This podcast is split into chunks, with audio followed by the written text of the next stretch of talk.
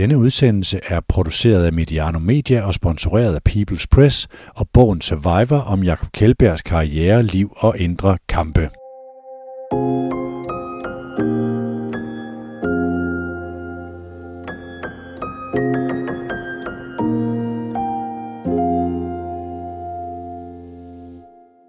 Påsken er over os, og øh, det er allerede blevet tid til et afsnit af Bold og Bøger. Mit navn det er Martin Davidsen, og foran mig, der sidder, over for mig, der sidder min gode ven og journalistkollega Sebastian Stanbury. Siger man velkommen til, det gør man ikke rigtigt.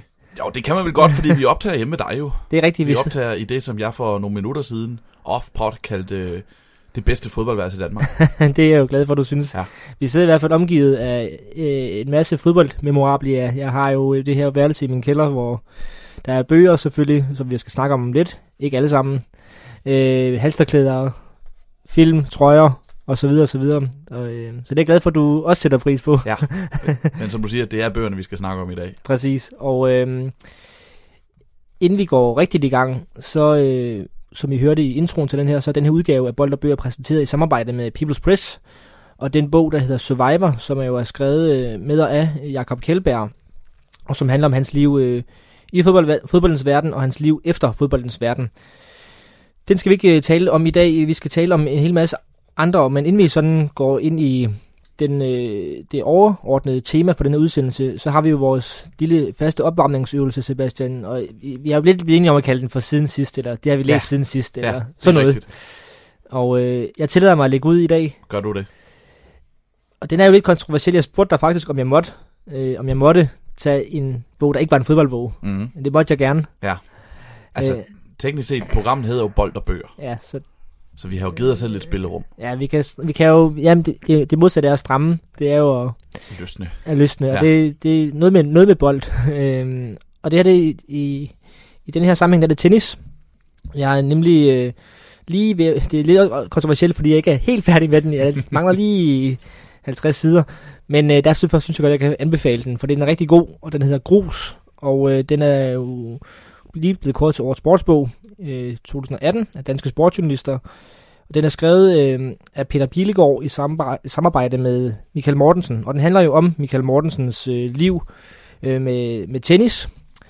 Og så handler det jo også om Michael Mortensens øh, personlige tragedie, som det var, da hans, øh, hans, hans datter, ja, han kalder hans, det er hans, hans hustrus datter, men, men, men de, altså tilknyttet, at han også kalder hende sin datter. Hun dør øh, for nogle år siden i en trafikulykke, og det forløb, der, der er omkring det.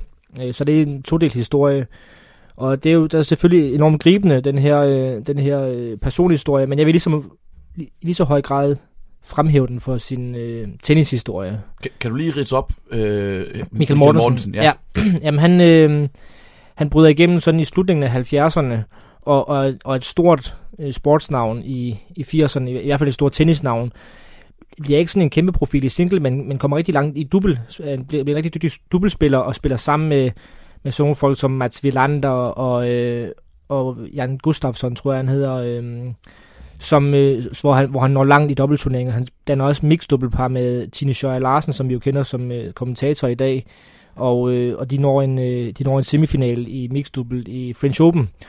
Og så nu, når jeg læser hans historie, så fortæller han jo også om, hvordan han, hvordan han også jetsætter måske forkert liv, øh, ord at bruge, men han, han var sådan en celebrity i, i Danmark, fordi han også var en flot fyr, og han var faktisk med i et play, Playgirl-magasin, skriver han om på et tidspunkt, og sådan noget, men han, reflekterer, han reflekterer faktisk rigtig godt omkring det der, det der liv, der følger med tennisbranchen, men han var ligesom, han var ligesom en af de to-tre store mandlige tennisspillere fra Danmark i, i midten af 80'erne, hvor, hvor det danske øh, tennislandshold, Davis Cup-hold, også leverede nogle ret fine resultater og, og gjorde det godt, som så det er jo ikke en, der fylder så meget i dag. Han er kommentator og har også været træner for øh, Karoline Wozniacki i en kort periode. Men, øh, men det her handler jo meget om hans øh, dels personlige historie, men også hans, hans tennisliv. Og jeg synes, den er rigtig god, fordi han, han reflekterer godt over sin egen, sit egen væsen, sin egen måde at være tennisspiller på, men også sådan sit, eget, sit egen personlighed kontra øh, de andre tennisspillers personlighed. Og, han, og så er tennis jo bare et forrygende spil og et psykologisk spil, som er interessant i sig selv. Altså vi har jo også før kort lige nævnt Andre Agassi's bog, som jo ligesom er sådan en, en hjørnesten i sportslitteratur. Mm. Øh, det er den måske ikke helt op her, men, men, han, men han bruger nogle af de samme sådan greb til at, og, og filosofere og, og tænke over øh, det, der, det der med at være tennisspiller, og det der med den der kamp, som de jo kæmper ind i sig selv, og det er så meget et psykologisk spil. Det synes jeg er dybt interessant. Mm. Øhm. Og så, så er det jo et, et, et emne, vi ofte vender tilbage til. Det her det er ikke en, en bog, der er skrevet, fordi at Michael Mortensen er så stort et navn, at der ligger ja, lige præcis. millioner, øh, millioner af bøger, i, eller millioner af kroner i indtjening på et salg. Præcis. Øhm, det er der for så vidt ikke noget i vejen med, men, men det her det er skrevet, fordi der er nogen, Michael Mortensen selv og forfatteren, som ligesom har tænkt, at her er en god historie, vi gerne vil fortælle, ja. øh, og ikke for at lave en, en hurtig skilling. Nej, lige præcis. Og, øhm, og så kan man også mærke, i modsætning til Agassi, han, han starter jo med at fortælle, at han, at han hader tennis. Mm. Øh, her der Michael Mortensen, han fortæller øh, rigtig fint om sin barndom også, men han fortæller rigtig meget om, hvor meget han elsker sport generelt. Mm. Og det kan vi to jo spejle og sige. Han elsker rigtig meget styrkesport, og han, han kommer fra Vestegnen op, opvokset i Brøndby Vester, og, og fortæller om det der sportsliv, der var i den der kommune, som jo siden er blevet berømt for et fodboldhold. Øh, det er jo lige der omkring, han også, øh, han også vokset op der i 64, hvor Brøndby IF bliver, bliver stiftet, men, men, men han, han fortæller, at han går til cricket, og han går til tennis, og han går til fodbold, og hans storebror bliver professionel cricketspiller faktisk. Øh, og han, han er bare, han er virkelig god til at, at fortælle godt om, hvor fedt det er at dyrke sport, og mm. hvad det giver ham. Han er, han er usikker på sig selv, og han er fra et, fra et hjem, hvor, hvor det ikke handler om, hvor, hvor man snakker om, man ikke skal tro, man er noget, og man ikke skal skal skille sig ud, og man skal ikke stikke ud, og, øh, og man skal meget, være meget opmærksom på, hvad, hvad andre folk tænker om en. Og, og så er det jo sjovt, at han, at han ender i en karriere, hvor han er, bliver en individualist, og skal, hvor det virkelig handler om at, at skille sig ud. Øhm, det reflekterer han også godt om, men jeg kan rigtig godt lide hans, man kan mærke, at han kan se storheden i, i sin egen øh, sportsgren, og mm. han, han fortæller på et tidspunkt, han er, han er som ung spiller over i Wimbledons junior-turnering, og han kommer ind i, et, ind i et omklædningsrum, åbner et af skaben, og så står der et par tennissko der. Og så kigger han lige på skabet igen, så står der øh, John Alexander, som er øh, en australsk topspiller på det her tidspunkt. Og han har simpelthen efterladt sine sko. Og det beskriver han bare over en halv tid, hvor fedt han, og hvor stort han synes det er. Og han mm. ender med at nappe de sko der, fordi han selv render rundt i nogle... Øh, nogle umulige, øh, øh nærmest ikke, nærmest ikke kondisko. Øh, men det er, bare, det er bare fedt at kunne mærke, når, når atleterne selv synes, kan selv se storheden i, ja, hvad de laver. helt sikkert. At det ikke bare er en eller anden boble, og øh, de har ja. noget tunnelsyn, men at de også lige stopper op og kigger sig omkring og siger, wow, ja. det er et stort sport det her, det er nogle store folk, jeg omgives med, øh, omgår, omgår til daglig. Ja, han, han fortæller det med, at hvor benovet han var om at sidde i omklædningsrum med John McEnroe og, og Ivan Lendl og Stefan Edberg, nogle af de der, der var store i 80'erne. Og det, ja, det, det taler jo bare til en sportsfan, at, at ham, der fortæller historien, også er sportsfan. Helt sikkert, så. helt sikkert. Så det er helt klart en anbefaling værd, og jeg glæder mig til at lige få listen, listen færdig her. Øhm. Så nu, nu, jeg går ikke så meget ind i det der med, med personhistorien. Det er jo tragisk, og det er ikke noget, man bliver godt i humør at læse. Men det har jo også nogle gode refleksioner, og det er jo meget sådan ærligt, og, mm. og det er jo en journalistisk disciplin i sig selv, det der med at, at fortælle, når livet gør ondt. Øhm. Og det bliver også øh, flot, øh, eller smukt foldet ud, hvis man kan sige det sådan. Øh. Men det er, jo en, det er jo en utrolig trist historie, det der med en, med en far, der mister sin datter. Så, øh, så ja, det vil jeg ikke bruge så meget tid på her, men bare anbefale bogen og sige den rigtig godt fortalt. Mm. Glimrende. Hvad har du øh, med som øh, siden sidst? Den er, ikke, den er ikke så aktuel, ved jeg. Nej, den er meget lidt aktuel. Den er fra 1961. Uh, øh, det er uh, Ove Rov Jensens Aldrig færdig med fodbold, som jeg sidder med her. Og ja. det var en bog, som uh, jeg tog ned fra hylden. Jeg har haft den stående i flere år. Så tog jeg den ned fra hylden her for nogle uger siden. Jeg skrev en artikel til Tipsbladet, hvor jeg arbejder for dag, som til daglig, om uh, Vejle mod AGF og, øh, øh, og deres historie gennem årene. Og så fandt jeg nogle billeder inde på vores billedarkiv, men jeg kunne ikke der var et forrygende billede af to spillere, en for Vejle og en for AGF, der ligesom stod og, mm. og holdt om hinanden. Der stod ikke billedtekst på, øh, så jeg kunne ikke se, hvem det var, men jeg havde en mistanke om, at det var Vejles Erik Skåning og AGF's Overov Jensen. Øh, og så tænkte jeg, skulle jeg lige have god, være sikker mig, at det var ham, og så kom jeg til at tænke på, at jeg har et billede for eksempel af ham på, på den her bog, øh, og fik bekræftet, at det var over Rov Jensen. Og øh, så tænkte jeg, hvorfor ikke læse den? Jeg har aldrig fået den læst, den her. Det er bare en, der ligesom, det ved du, både du og jeg, vi har nogle gange, hvor der lige sådan dumper ind øh, øh, nogle, nogle, øh, nogle ting antikvarisk, eller ja. fra nogle venner, eller ja. sådan bekendte og sådan noget, der lige læser nogle fodboldbøger af på os. Og det var det et af dem her tilfælde. Og så tænkte jeg, hvorfor ikke lige læse den? Du kan se her, det er en, det er en slidt, øh, slidt eksemplar. det ser øh, men, Godt brugt ud. Ja, det er den. Og, det, og dog alligevel, fordi jeg har selv været nødt til, det her det er sådan med øh, med sider, der er sprættet op i, i toppen. Okay, ja. Og nogle af dem var ikke sprættet op. Så enten er det ikke blevet læst færdigt, eller også så er der en, der slet ikke, altså bare ja. ikke har fået det gjort. Den er jo øh, fra en tid, hvor, hvor der ikke var sådan... Øh, ja, hvor bøgerne bare af natur så slidt ud, fordi der ikke var sådan samme layoutmæssige muligheder Præcis. og produktionsmæssige muligheder. Præcis. Øh, men den er, den er, altså de kan bare anbefales nogle gange at tage de her gamle bøger, som blev udgivet, og så læse dem, fordi de beskriver et, fodboldliv, øh, fodboldliv, som kan sammenlignes med det, vi kender fra i dag, øh, men som bare er noget helt andet, i et, men som siger meget om den tid, de foregår i. Der er nogle forrygende billeder af den her, øh, også der er massevis af øh, kulturel appropriation, som vil være stærkt blive ja. kritiseret i, i 2019, med, øh, hvor de udenlands har sjove hatte på og sådan noget. Ja, okay. øhm, men øh, men den, den, den er faktisk, fordi den beskriver en tid i, i dansk fodbold, som er interessant. Den er Ove Jensen spillet i øh, 40'erne og øh, 50'erne, og var vist lige op og, og kyst 60'erne også, inden han blev for mm, gammel. Ja. Øh, og så er der bare nogle, nogle sjove fortællinger i. Øh, jeg, jeg har taget nogle af dem, øh, så markeret nogle af dem her. Øh, for eksempel så er AGF nede og spille en Europacup-kamp nede i Sevilla. Og øh, så skriver han her, Forberedelserne til rejsen var ikke i orden.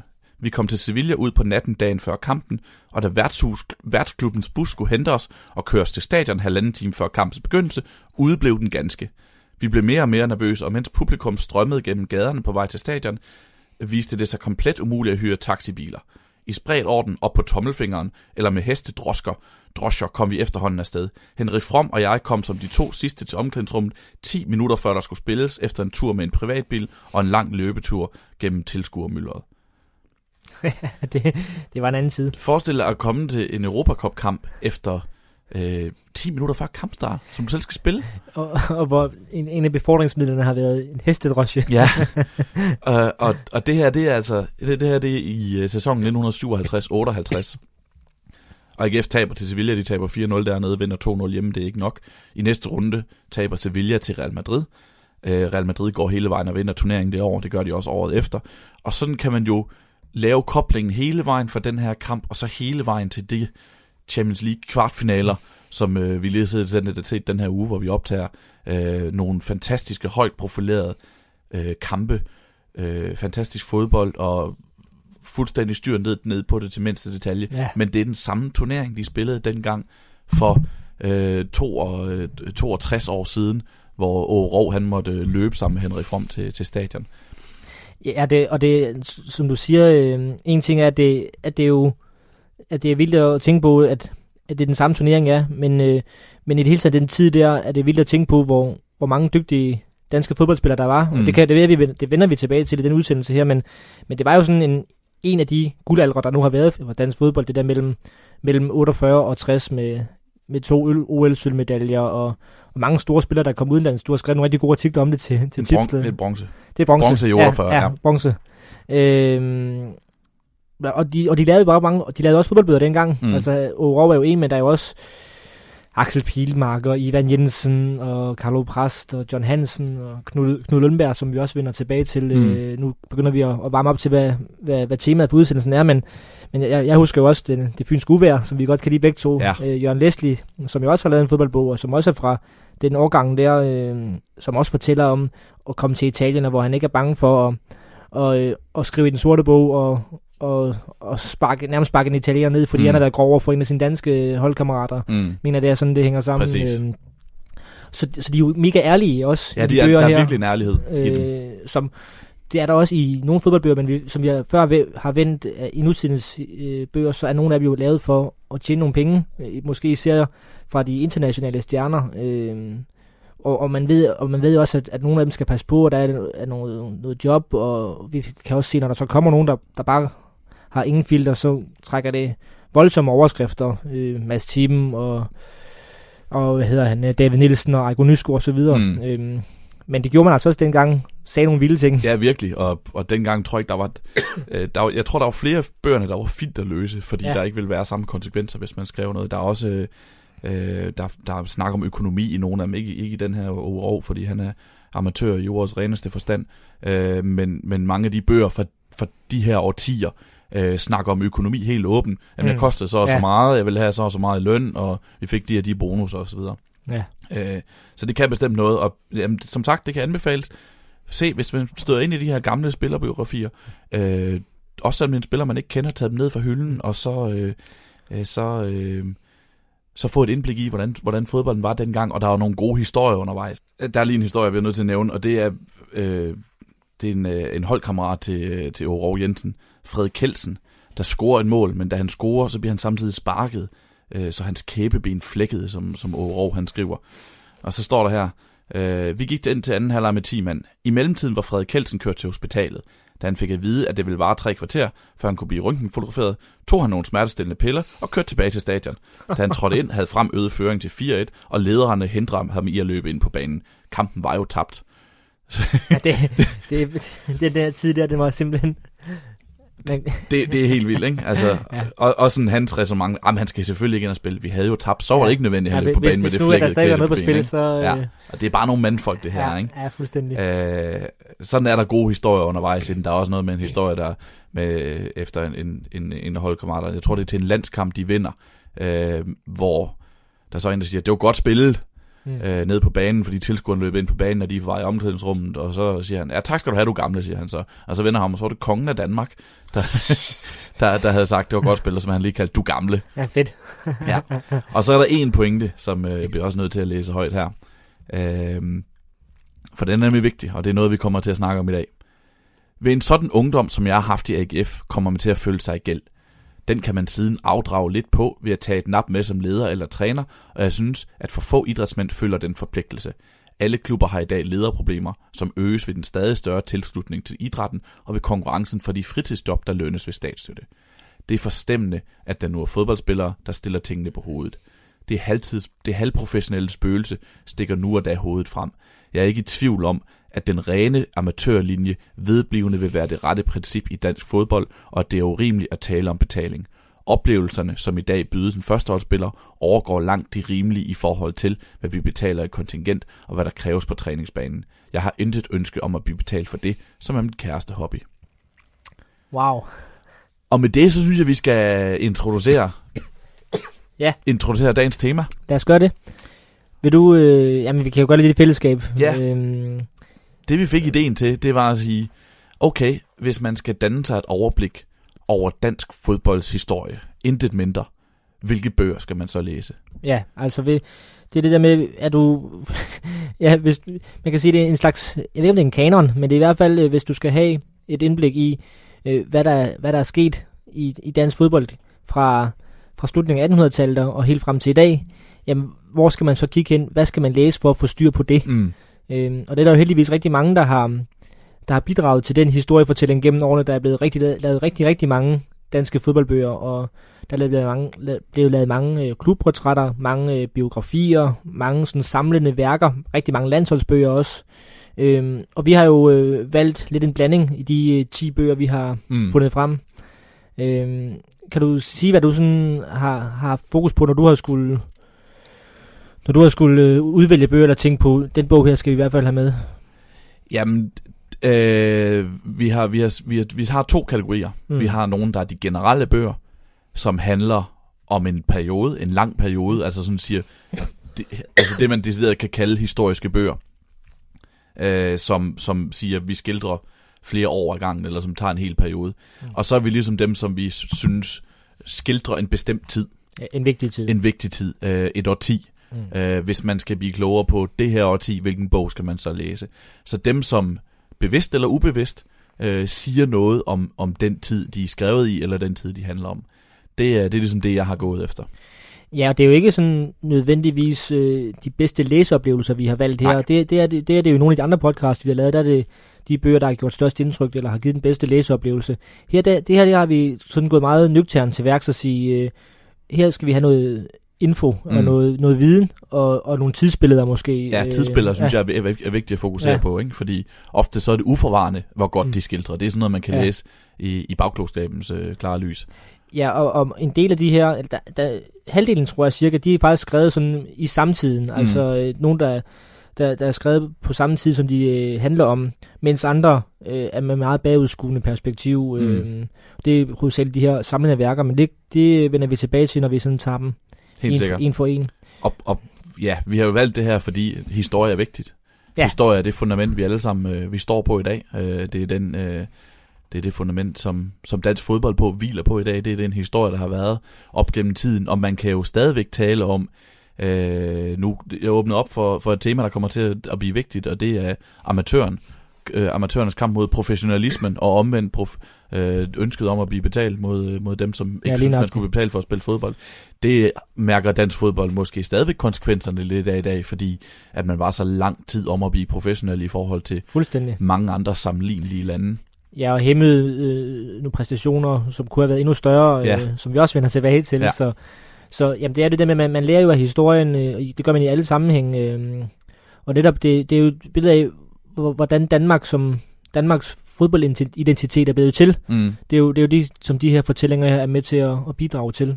Øh, den her fælles kulturarv, eller jeg skal sige fodboldkulturarv, som, øh, som, ja, som du sagde, vi står på skuldrene af i dag. Ja. Skal vi prøve at kaste os ud i det? Lad os så, gøre det. Vi, tager, vi plejer jo, som vi gør i, her i, i Bold og Bøger, at tage, tage uh, x antal bøger. Det er så igen 10. Det er ikke uh, et dogme for os, så det skal være 10, men det, det er det, vi har valgt. Og um, nu det er dansk fodbold, der er overskriften, så er det jo oplagt at starte med en bog, der hedder Dansk Fodbold. Præcis. Det er det, den her. Det, det er en af dine... Jeg tror også, at den er i din, uh, i din Keepers Lounge, eller hvad vi skal kalde den. Uh, din, uh, din, din gyldne hvis du har en bankboks med vigtige bøger. Ja, så er den her en af dem. Altså, det jeg sidder med nu her, det er bogen Dansk Fodbold fra øh, 1939. Den er simpelthen udgivet i 1939. Den er udgivet i 1939. Øh, den er 719 sider, og da jeg forsøgte at, øh, at veje den på min øh, køkkenvægt her i, i eftermiddags, så stod der først 3 kilo, og så med den error, så kunne den ikke mere. Den vejer altså mere end 3 kilo, den det, her. Det ligner jo sådan en, øh, det ligner jo sådan en bibel i virkeligheden. Øh, det er det også. Ja, den er også flot, sådan øh, den, hvis der er sådan en, en gylden fodboldspiller silhuet der er på forsiden, og sådan et, et irgrønt, øh, irgrønt cover, hvor der mm. så ellers bare står dansk fodbold. Mm. Den, det, der kunne lige så godt have stået i Bibelen. Men du, jeg, jeg har jo ikke læst den. Nej. Jeg, ved ikke, om du, du, jeg tror ikke, du har læst den fra ende til anden. Nej, det har jeg ikke. Det her det er et opslagsværk. Uh, det var en bog, jeg blev opmærksom på. Jeg kan faktisk næsten sætte, jeg kan sætte dato på. Sent sommeren 2015 uh, på Twitter hvor vi får så meget af vores info fra, du og jeg. Ja, må vi sige. Øhm, og det var en, en bruger, der spurgte den uh, Twitter-profil, der hedder danskfodbold.com, som refererer til hjemmesiden danskfodbold.com selv sagt, statistik uh, guruerne i dansk fodbold, om de kendte en gut, der hed Johannes Gandil. Og så svarede danskfodbold.com, redaktør på det største værk om dansk fodbold, udgivet i slutningen af 30'erne. Hvorfor? og så svarede han, jamen, det, ja, præcis, og så ham her, han svarede, jamen, det var fordi, han blev opmærksom på den her bog, netop den bog, som vi snakker om. Og jeg anede ikke, at der var et dansk værk om dansk fodbold, der var udgivet i slutningen af 1930'erne. Øh, og det tweet-udveksling tweet, uh, her er fra 18. august 2015. Og jeg kan se på min uh, e-mail, at den 19. august 2015, der har jeg en kvittering for, at jeg har købt en antikvaris for 500 kroner. Det var sådan Sebastian Stanbury-agtigt. Ja, det, det kan man sige. Uh, jeg vil lige starte med at sige, hvem Johannes Gandil så er. Uddybe en lille smule den info, som Dansk Fodbold kom, kom med.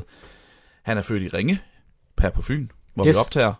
Øh, 1900, Plus, øh, i min bog, ja. 1973. 1873 selv sagt, undskyld.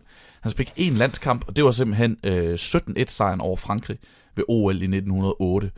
Øh, allerede der så er vi jo fremme med ja, noget historisk. historisk. Det var den måde, Sofus Krølben satte øh, rekord for flest mål i en kamp. Ja, og stadigvæk største danske sejr, mener jeg. Ja, det er det helt klart. Ja. Øh, han var 35 år, 5 måneder og en dag. Dermed var han også den ældste landsholdsdebutant, indtil Peter Kær overtog rekorden i 2001. Øh, så det er jo ja. noget, der minder om 93 år senere. Ja. Han var også med til OL i Paris øh, 8 år forinden, øh, i 1900, som 100 meter løber. De kunne noget dengang. Ja, han var ridder af Dannebro. Han var redaktør på Sportsbladet i 19, øh, fra 1908 til 1941. Han sad 17 år i DBU's bestyrelse, og hold nu godt fast, 49 år i B93's bestyrelse. Så det her, det er, det er, et, øh, altså, det er en ildsjæl.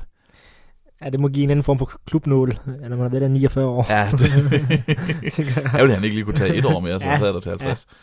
Og så udgav han altså dansk fodbold. Øh, den blev påbegyndt i 1935, udgivet i 1939 i forbindelse med DBU's 50 års fødselsdag, og øh, den blev udgivet i 4.000 eksemplarer, og den er aldrig blevet genoptrykt. Så det her, det er det, der ligesom er og, og det dansk fodbold.com, eller undskyld, det dansk fodbold er, det er simpelthen en gennemgang af dansk fodbold i sagens natur. mere grundigt, end man nogensinde kunne forestille sig. Ja, 700 sider, det, det vidner man hvis... Ja. Øh... Altså, det er gennemgang af kampe, turneringer, beslutninger, gamle holdbilleder, resultater af den første fodboldturnering, der nogensinde blev spillet i Danmark. Det var medalje fodboldkonkurrencen 1888, hvor så kan man, man kan læse resultaterne for den kamp. Fredericianerne slog fuld via 6-1, MB slog kvik 22-0.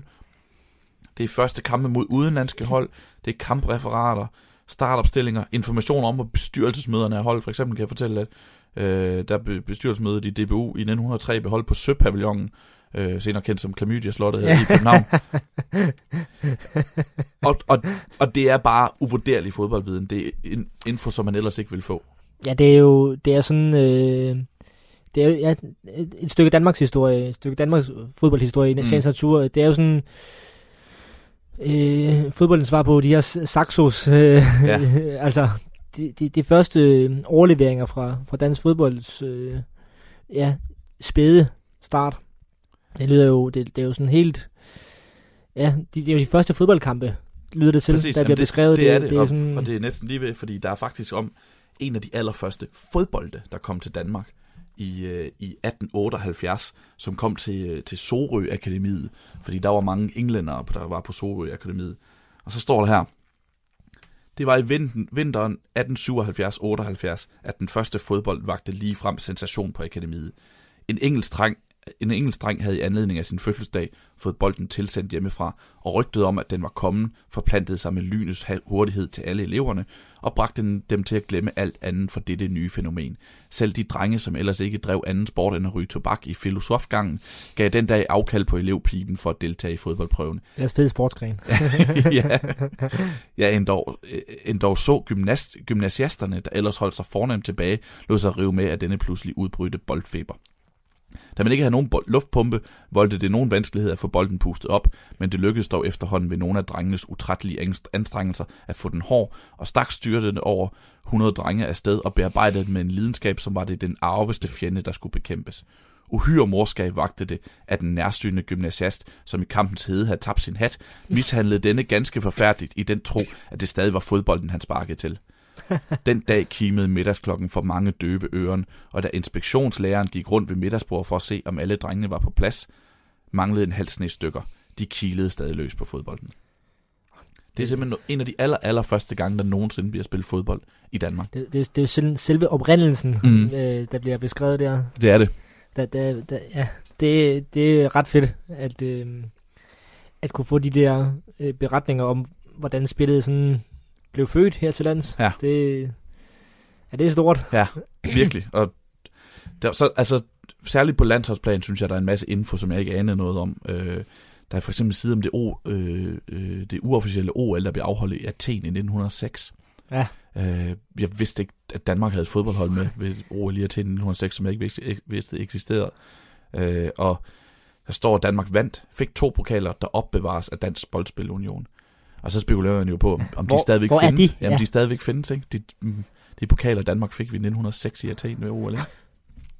Og der er gennemgang af samtlige landskampe, der bliver spillet fra den allerførste og så til, til bogen bliver udgivet 39 i den her. Ja. Så det er jo, det er jo u- uvurderligt historisk materiale. Det må vi sige. Og derudover, undskyld, øh, jeg vil gøre, øh, ja. så er der lokale unioners historie, og de betydeligste københavnske klubbers historie, de betydeligste jyske klubbers historie, de betydeligste sjællandske klubbers historie, de betydeligste fynske klubbers historie, og så B1901 og Rønneboldklubs historie. B1901, det er, øh, det er selvfølgelig øh, Lolland Falster. Præcis, ja. ja. Ja, det er altså, vi kommer tilbage til det ved nogle af de her værker her. Det er bare så fedt, at der er nogen, der har, der har sat, sig, sat sig for og, tænkt, og tænkt, nu laver jeg lige den bog her, for vi skal lige have styr på det her. Ja, præcis. Øh, det, Ellers så var de her oplysninger stort set gået tabt. Så er der nogle aviser, man kan kigge på og lede efter og sådan noget, men det er her, ja, man ligesom, at det her det er samlet, ikke? Ja, det, det samlede værk og sådan det retrospektiv i det, at, at øh, jamen, det kan godt være så, altså, der, der kan godt være så stor noget i en avis, men det der med, at det bliver sat i perspektiv og, og får, ja, får det beskrevet på, på en litterær måde, eller på en, på en lidt anderledes måde, det, det er helt fantastisk. Mm. Ja, det kan jeg godt forstå, du er glad for, Sebastian. Ja. ja den, er, den er ikke sådan så nem at opdrive, er den det? Det, gjorde, det var den jo så måske, du gjorde det på en dag. Jeg, jeg gjorde det i løbet af en, et halvt døgns tid, eller sådan noget, så man kan måske finde den antikvarisk, men ja. altså, det, det, det kan jo muligt have været. Det er en bog fra 1939, som blev trykt i 4.000 eksemplarer. Ikke? Ja. Så det er jo ikke, altså, der, ja. der er ikke hundredvis af, man kan gå ned og købe i bog i dag. Vel? Nej, det er det. Ej, den er, fire, den er 80 år gammel i år. Ja. det, er ret... det, det er helt vildt. det er vildt. Ja, det var, det, var, det var bestemt en plovmand værd, vil jeg sige. Ja, det kan jeg forstå. Fedt. Øh, vi bliver jo lidt i samme, i samme øh, genre og samme titel i virkeligheden. Ja, det er paradoxalt. Dansk fodbold 1, dansk fodbold 2, dansk fodbold 3, dansk fodbold 4 ja. sidder du med foran dig nu. Man kan sige meget om de her kronikører, men opfindsomme med hensyn til navne, det har de ikke været. Nej. Hvad er det for noget, det her dansk fodbold 1-4? Jamen, det er en fodboldkrønike af Knud Lundberg. Det står også på forsiden. ja, og det er vel sådan lidt en afløser for den første dansk fodbold, kan man sige. Det her, det er Knud Lundberg, der skrev de her bøger, de er udgivet i... Øh, Ben 1 er udgivet i 86, og det Ben 2 i 87, Ben 88 i... Øh, ben, undskyld, Ben 3 i 88, og Ben 4 i 89. Og det passer med dansk fodbold 100 års jubilæum, da, den, da det sidste Ben udkom i 1989. Øhm, Knud Lundberg skal vi næsten også lige have styr på. Han ja. spillede 39 A-landskampe i fodbold, 33, 23 øh, landskampe i håndbold, 18 landskampe i basketball, og han nævnes ofte som opfinder af indendørs fodbold, i hvert fald her i Danmark. Han er uddannet, uddannet læge, og han er mangeårig journalist. I den her ja. funktion, så er han vigtig som forfatter. Ja, sådan, han er jo sådan øh, dansk fodboldprofessor på det ja. her tidspunkt i, i 80'erne, fordi han har været med i så mange år og, og kan de her tre øh, sportsgrene, og han er sådan en næster i dansk sportsjournalistik også. Præcis, han er, altså vil det være forkert at sige, at han er i hvert fald i top, top 5 over de vigtigste danske fodboldpersonligheder nogensinde.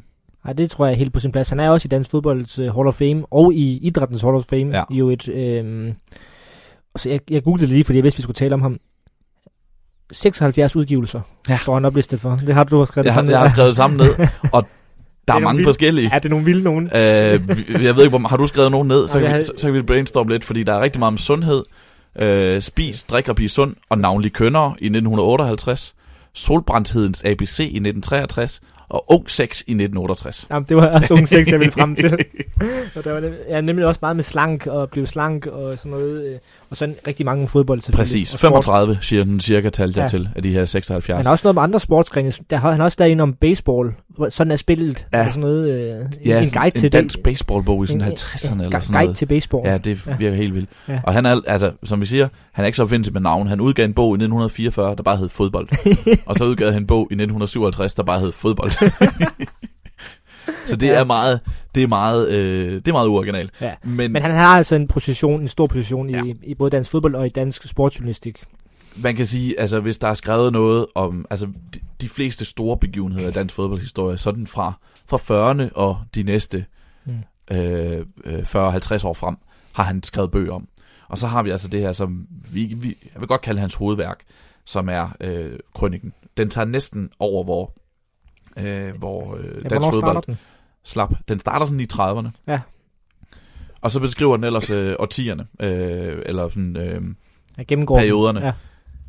Jeg skrev ned, hvordan, hvor sådan det cirka er fra. Den første starter øh, 1936 til 48, så næste går fra 48 til 1960. Øh, Bind 3 går fra 1960 til 80'erne, og Bind 4 handler udelukkende om, 84, øh, i, om 80'erne igen. Og så gennemgår den 22 danske verdensklassespillere. Ah, sjovt. Ja. Det er en rodebog, det her. Okay. Øh, synes jeg. Altså, det er en rodebøger. Sådan i gennemgang. Det er sådan... Det er sådan teksten og, øh, går igen, og så kommer der lige pludselig sådan en boks med nogle spillerportrætter og sådan noget. Men jeg synes særligt, det er de her spillerportrætter, portrætter, der er interessante, fordi øh, dem vil man, dem vil være, de vil være blevet glemt. Altså nu kan vi slå op i, i, i bind 1 her på en tilfældig side og se, om der ikke se, hvad der dukker op her. Øh, så så er der en gut, der hedder Ove Jensen. Det var tydeligt at se, hvad Ove Jensen havde haft som forbillede hele sin drengetid. I træning før kamp var Svend Jensen genstand for drengenes beundring på B93 baner på Idrætsparken, og Ove Jensen var en af hans varmeste beundrere. Spinkel som lange Svend, men knap så lang, lå Ove stil tæt på hans store forbillede. Den samme hurtighed parret med en elegance, elegance, som fik det til at se let ud, som alle store tryllerkunstnere kan det.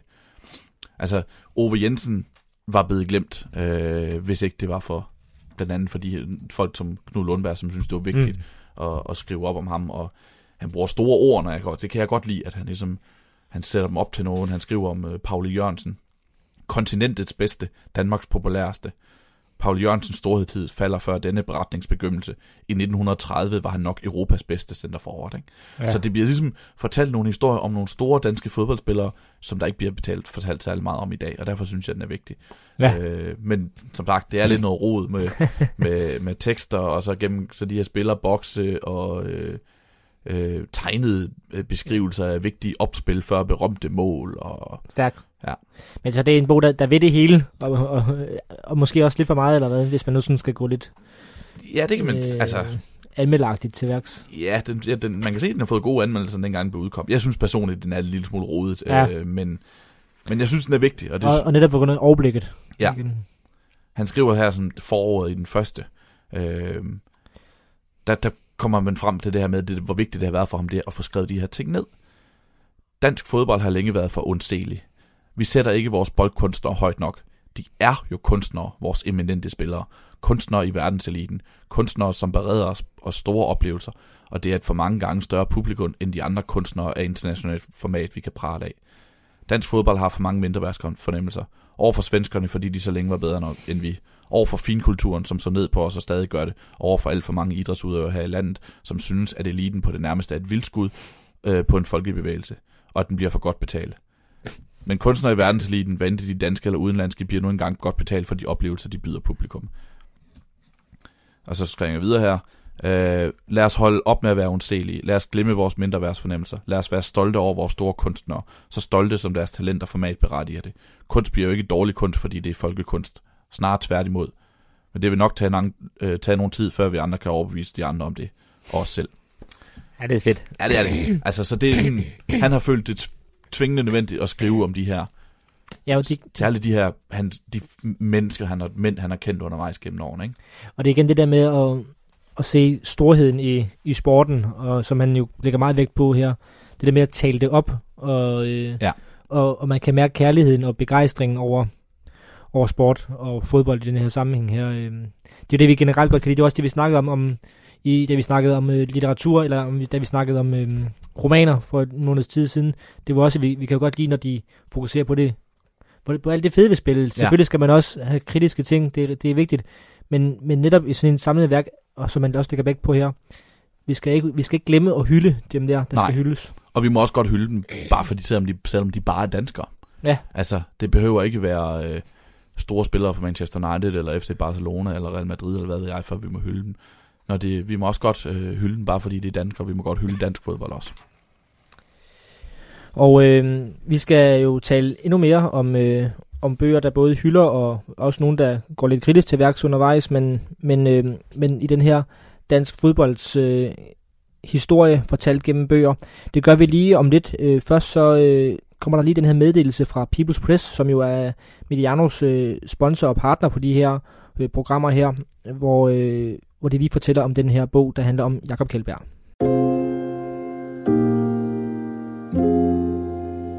Jakob Kjeldberg var bare 26 år gammel, da han fik beskeden på et hospital i London. Du er fodboldinvalid. Og med et er tilværelsen som professionel fodboldspiller i Chelsea slut. Men Jakob er nærmest lettet – for gennem hele karrieren har angsten for at fejle overskygget sulten efter at vinde kampe og nå slutrunder med Danmark. Bogen Survivor er en kontant fortælling om sårbarhed og styrke, og meget af det, man ikke hører så meget om i fodboldens verden.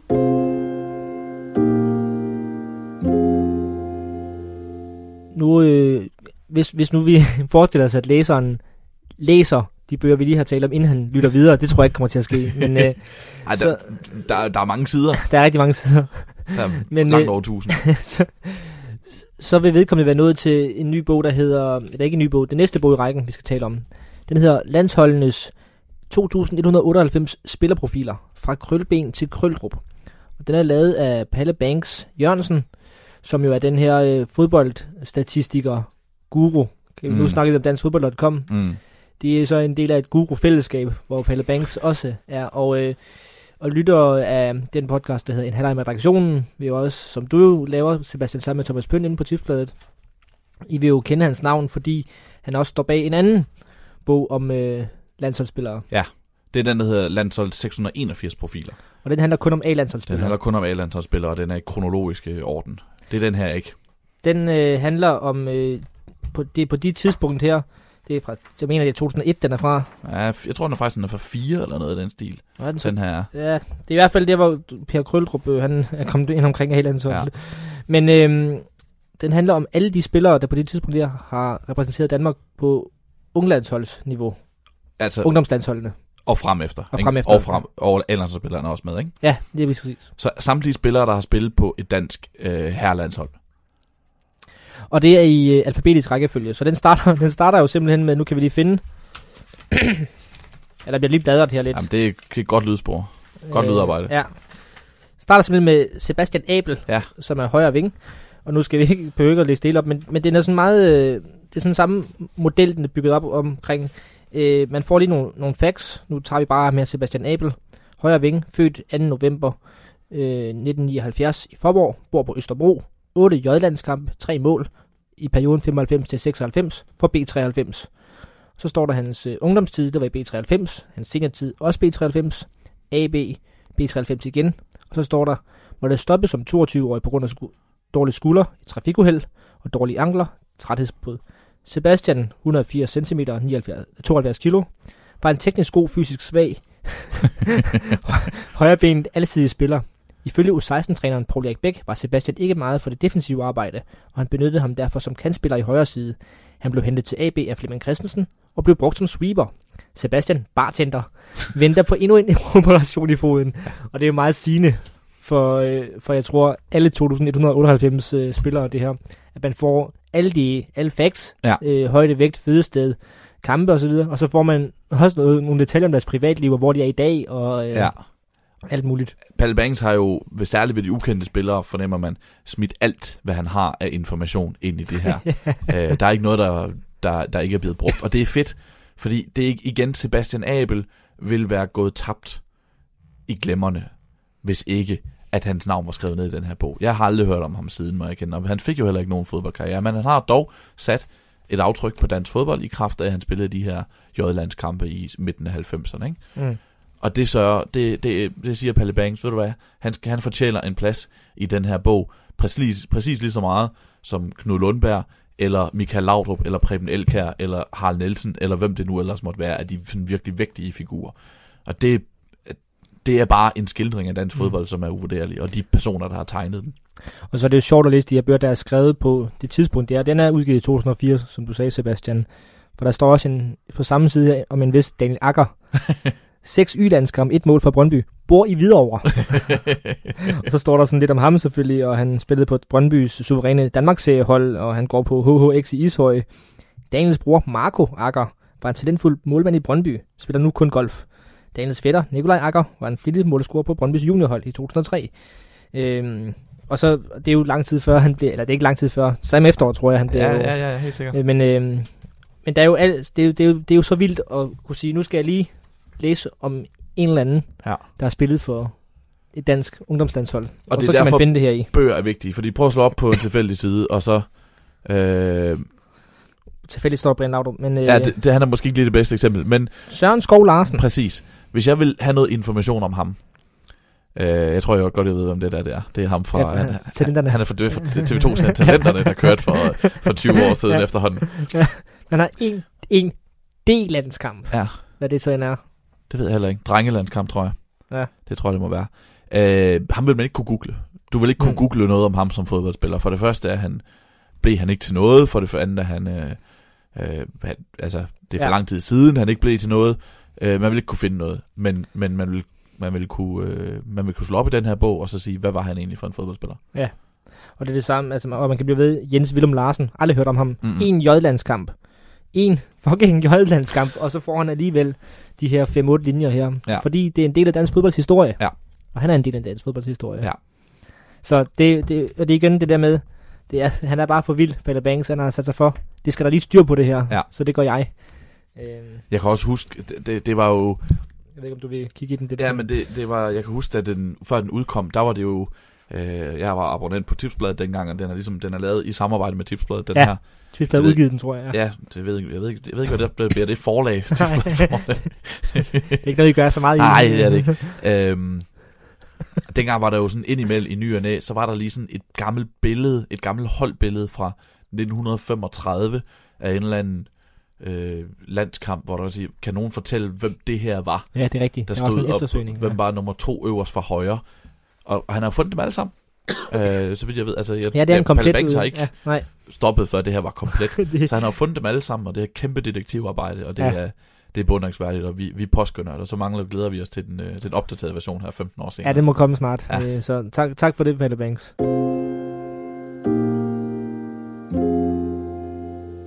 Bogen Survivor handler om fodboldspilleren og mennesket Jakob Kjeldberg. Om et liv, der førte ham til tops i sports- og reality-verdenen, trods møder med voksenmobning og vilddyr i Chelsea. Og indre og ydre kampe bag kameraerne i Robinson-ekspeditionen. Bogen Survivor er en kontant fortælling om sårbarhed og styrke, og om meget af det, man ikke hører om fra fodboldens verden.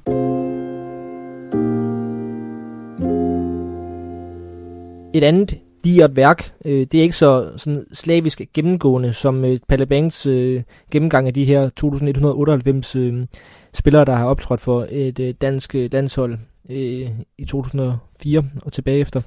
Den næste bog, vi skal snakke om, den hedder Fodbold, Fairplay og Forretning.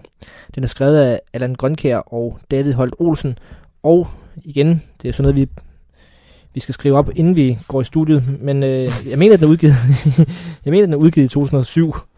Øh, det kan jeg lige prøve at, at slutte, op, slutte op i mindst, øh, Sebastian. Fordi den, vi kan lige så godt være ærlige at sige, det er ikke en, vi har læst fra ende til ende, den her, for det er også et oplæs. Det er også et oplæs. Øh, og den handler om klubfodboldens historie, selv sagt.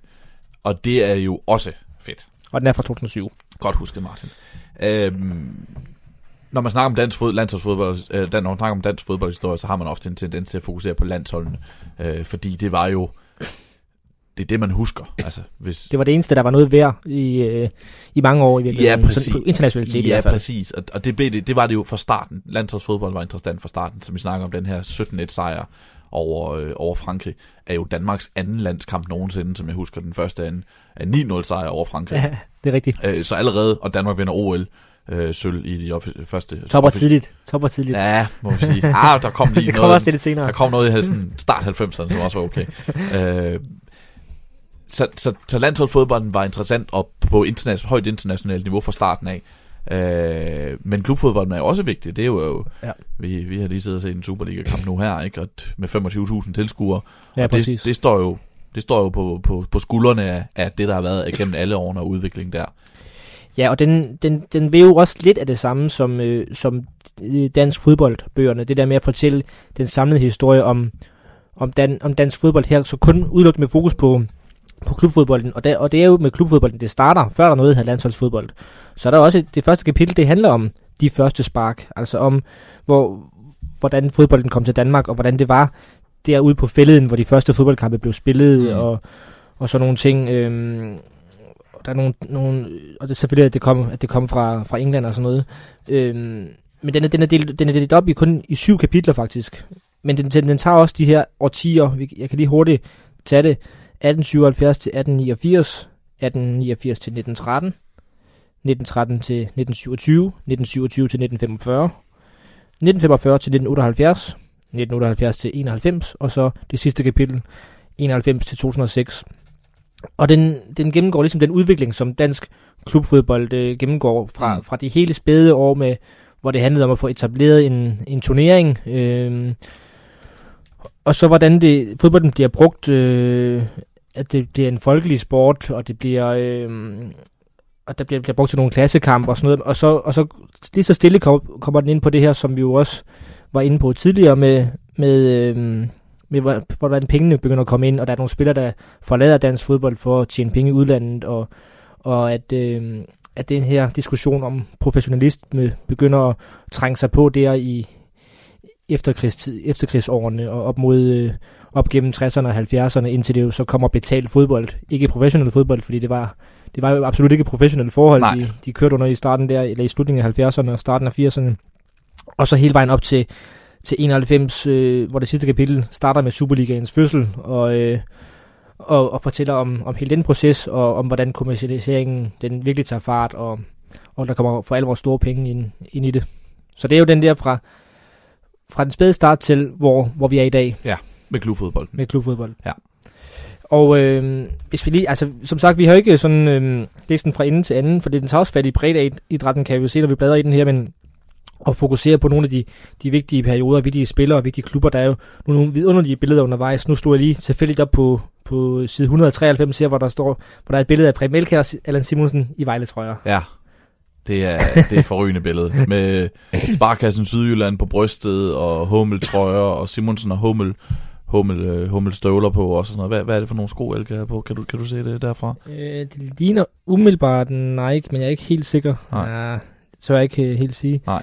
Men, øh, og det er jo så øh, til, til et afsnit om pengemændene, for det var, det var jo billedet på de pengemænd, der kom ind i Vejle på det, det tidspunkt. Var Vejle købmændene, ja. der kom ind der.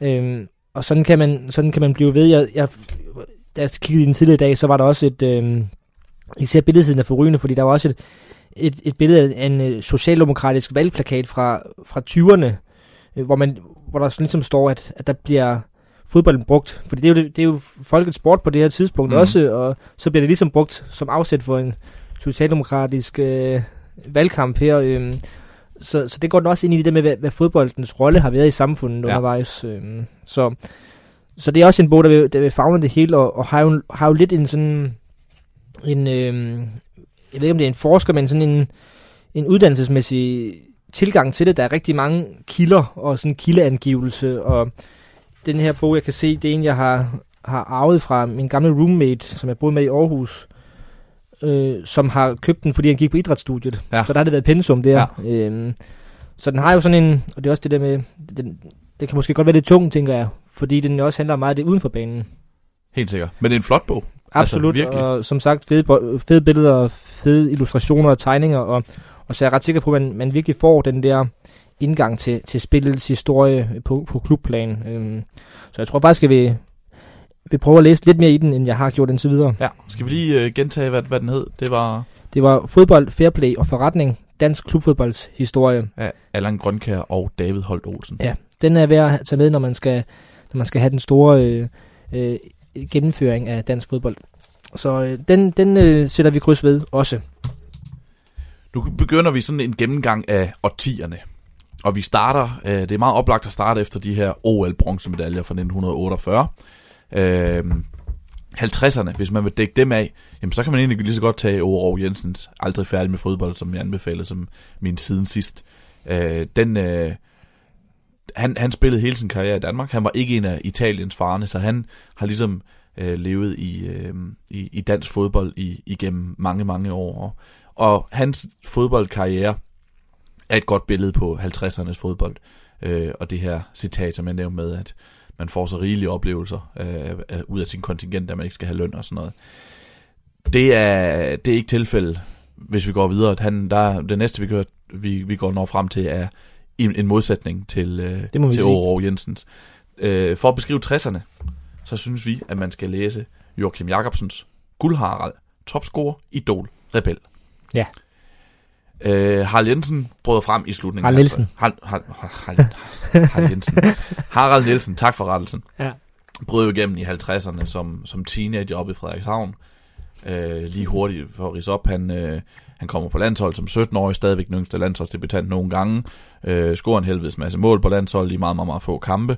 Øh, bliver topscorer, dansk topscorer ved OL i Rom i 1960, hvor Danmark vinder sølvmedaljer, og så bliver han professionel i Italien, hvor han... Øh, hvor han vinder mesterskabet med, med, med Bologna.